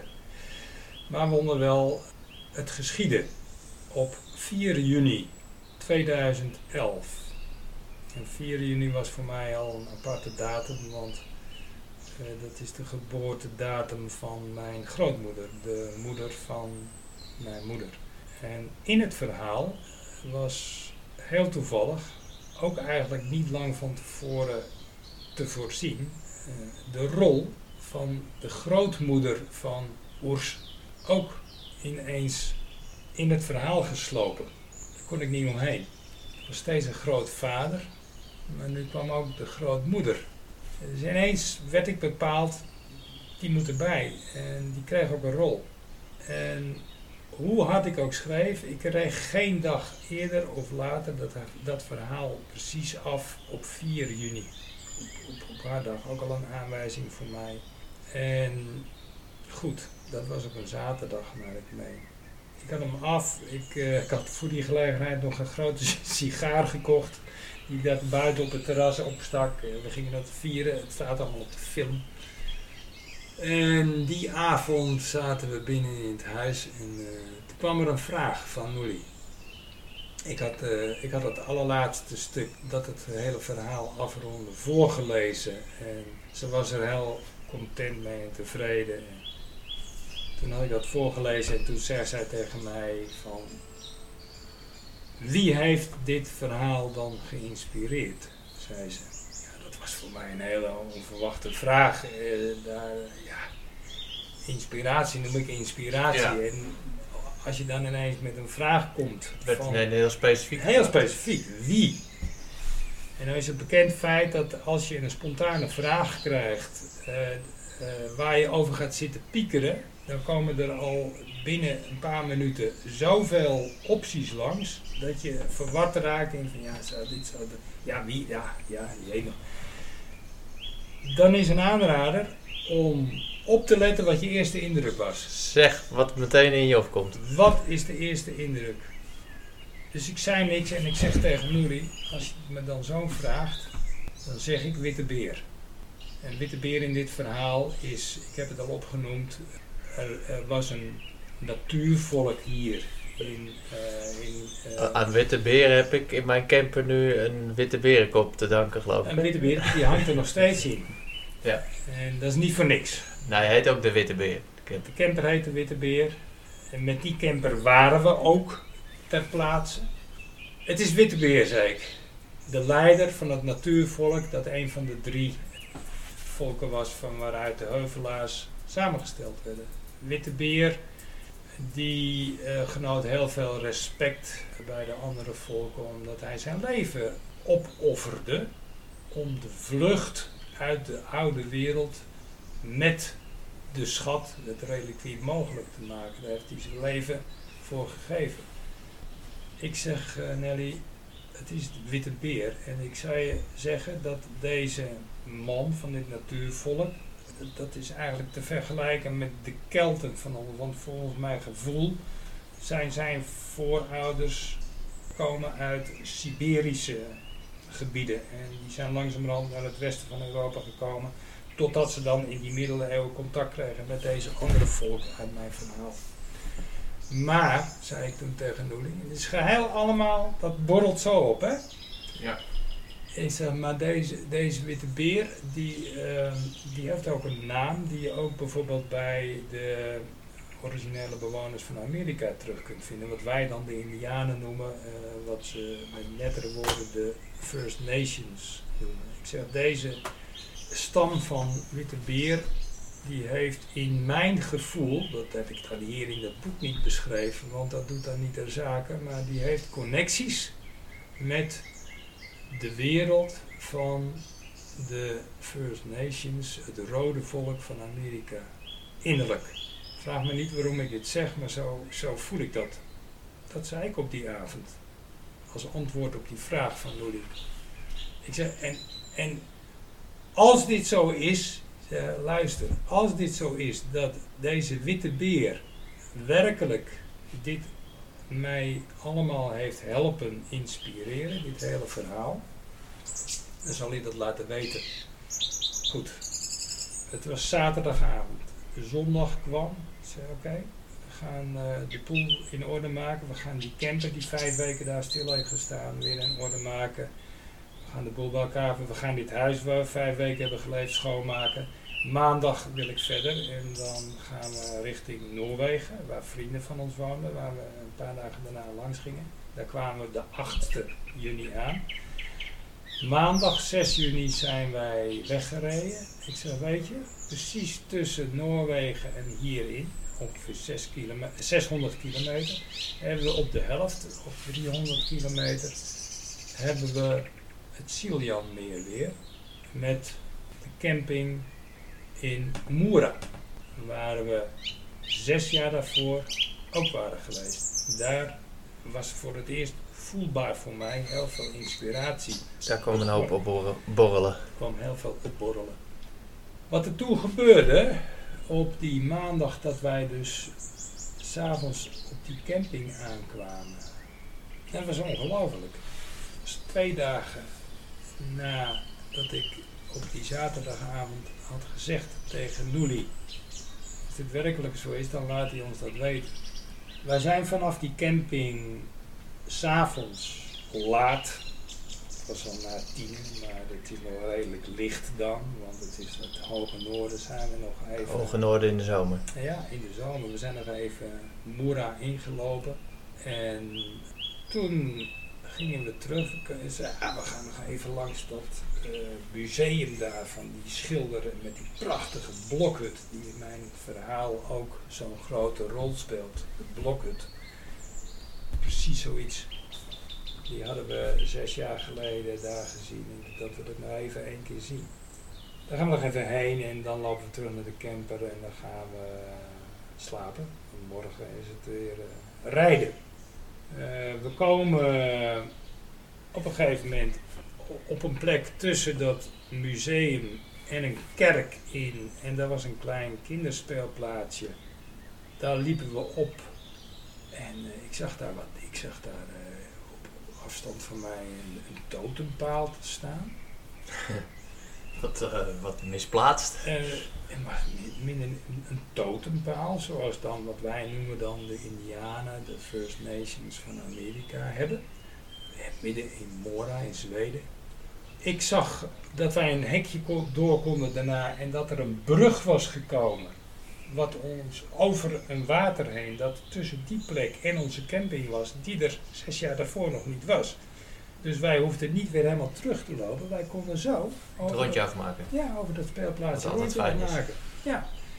Wat voelde ik op dat moment toen ik daar op een meter of twintig voor me, waar Noelie inmiddels was, die totempaal zag, waar ik nog niet precies van kon zien wat dat dan allemaal voorstelde. Maar uh, wat voelde ik op het moment dat ik in die beginnende schemer links van mij iets op de grond zag liggen dat er op een soort grafsteen leek, maar dat was een soort gedenksteen met een tekst erin.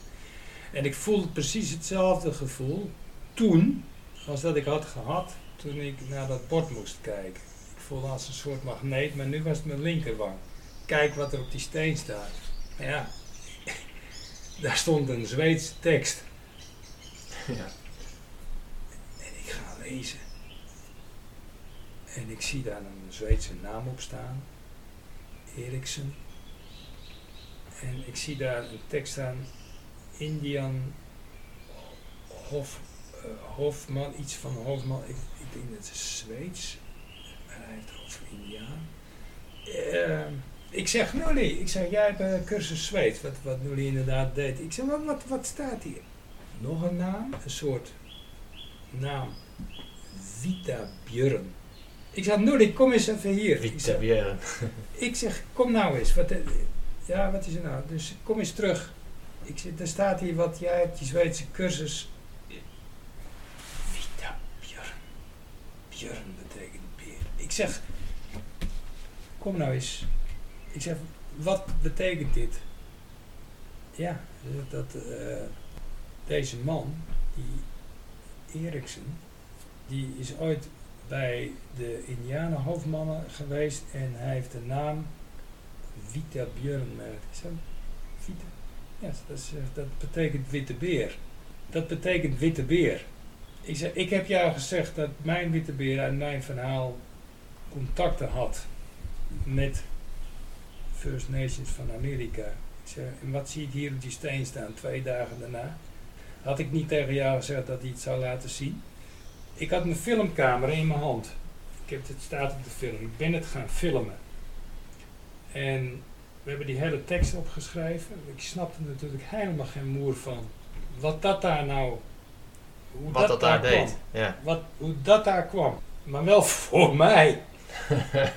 Speciaal voor jou neergezet. Eh, daar krijg ik kippenvel van op zo'n moment. Ik zeg, Noelie, ik zeg, heb ik jou niet twee dagen geleden precies dit verhaal verteld? Toen jij mij vroeg wie dit verhaal had geïnspireerd. Ja, maar nou moet ik het echt geloven, zei Noelie. Ik zeg, ja, dat zeg jij vaker, hè? Ik zeg, wat is dat daar? Is dat is een totempaal. Wat dus die First Nations altijd hebben daar in Amerika. Wat doet dat hier in Zweden, in Mora? Ik, wat is dat? Lopen wij lopen er naartoe en boven, boven op de totempaal als, als hoogste eh uitsnijden, daar was een witte beer. En eh, ik zeg, eh, Nouri, moet je nog meer bewijzen hebben van... ik, ik heb er niet om gevraagd hoor, ik heb alleen gezegd hij zal het wel laten zien. En het was twee dagen daarna en dit was onze de zesde overkomen.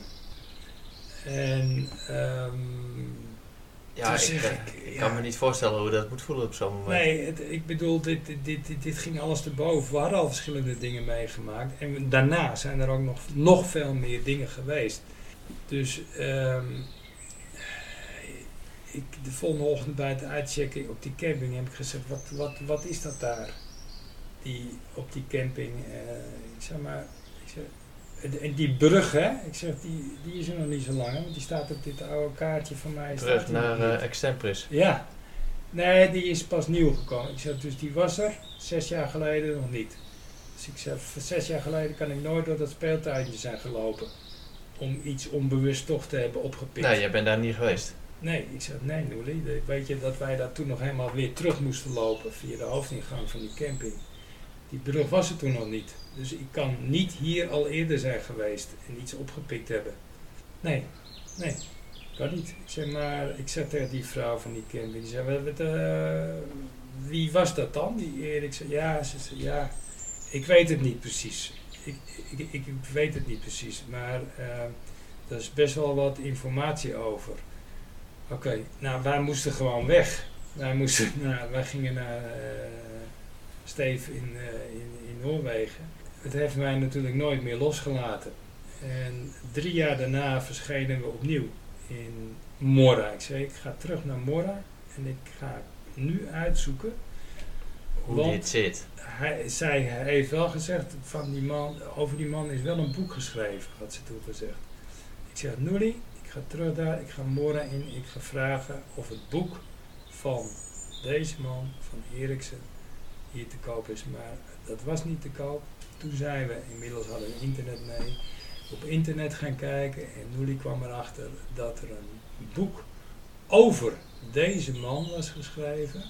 Over deze man die zich Witte Beer mocht noemen van opperhoofden uit de First Nations gemeenschap van Amerika. En dat boek is over hem geschreven eh, naar aanleiding van zijn zeer speciale leven. Dat boek hebben we toen meteen online besteld. En dat kostte een hoop geld voor een gewoon boekje van nou, bijna een eeuw geleden, denk ik. Ja, dat maakt niet zoveel uit, toch? Nee, de, In dit de- geval. het handschrift van de schrijver staat erin. Svante Lundgren heet dat geloof ik, ook een Zweed. Die heeft het boek geschreven over deze Eriksen. Die dus gewoon via zeer unieke omzwervingen als kind uit het straatarme Zweden van meer dan een eeuw geleden is gaan zwerven rond de wereld en terecht is gekomen in Canada bij Mhm. deze First Nation gemeenschap en contacten heeft gelegd met deze gemeenschap en één keer terug is geweest in, ik geloof in 1951 En daar zijn hij nog steeds hij was deze herdenking aan te ja, hij was geboren in Mora en hij heeft de gemeenschap van zijn geboorteplaats, waar hij nog één keer naar terug was gekeerd, een schenking gedaan voor een speelplaatsje. En eh, daarmee eerden ze hem weer, jaarlijks, met een, het opzetten van een totempaal, precies op die dag dat wij daar waren.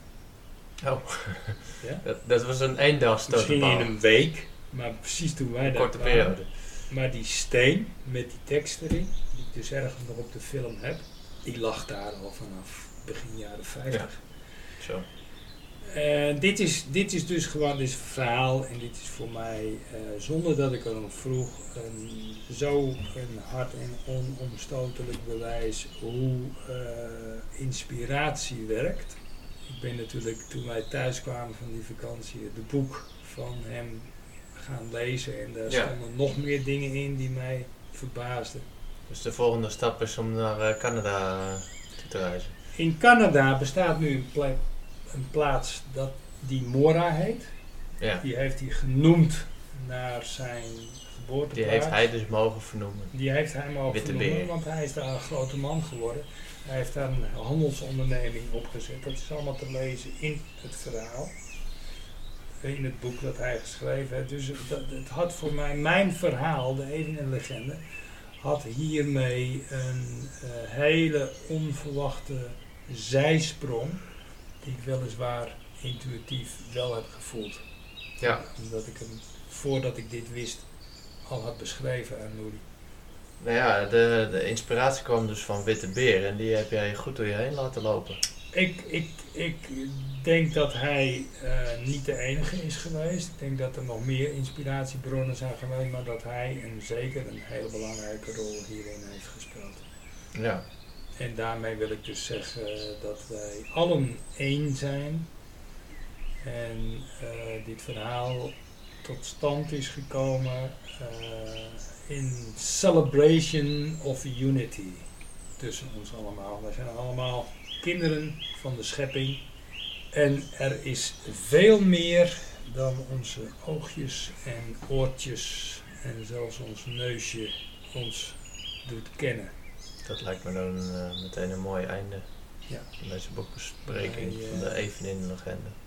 Wij, eh, wij eren het, laat maar zeggen, zesde zintuig. En eh, gaan voort om dit zintuig verder te ontwikkelen. Ja, ondanks dat ik je verhalen natuurlijk al vaker had gehoord, vond ik het mooi om weer even alles achtereen eh zo te, te mogen horen. En eh, Ja. ik hoop dat de luisteraars daarmee eens zijn. Het is eh, soms wat langdradig natuurlijk.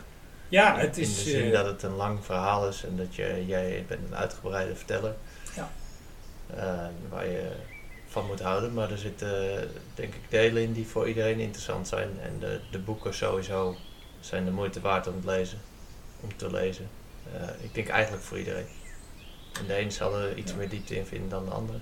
Ik denk het. Maar zeker in het perspectief van wat er nu allemaal gebeurt. Je, gebeurt ja, je, moet het, eh, je moet dat verband willen zien, kunnen zien. Dat kan wat houvast bieden voor mensen. Eh, wat, wat nog een laatste dingetje is die ik leuk eraan vind, is dat jij dus de, na de, de Nebola watervallen een wereld beschrijft waar best wel veel mensen op dit moment naar terug verlangen. En daar heb je een best uitgebreide beschrijving over gemaakt. En dat zal misschien niet helemaal samengaan met onze technologische staat waar we nu in zitten. Maar dat we iets dichter terug naar de natuur kunnen trekken, eh, dat lijkt me wel duidelijk. Ik denk dat veel mensen daar wel mee eh, eens zullen zijn. Ik, denk het ook. Ik denk dat wij daar heel veel van kunnen lezen. Iets dichter bij onszelf weer komen Ja, op die manier. ja. En ik wil je bedanken voor dit eh langdurig eh, maar mooie gesprek. Het was te voorzien.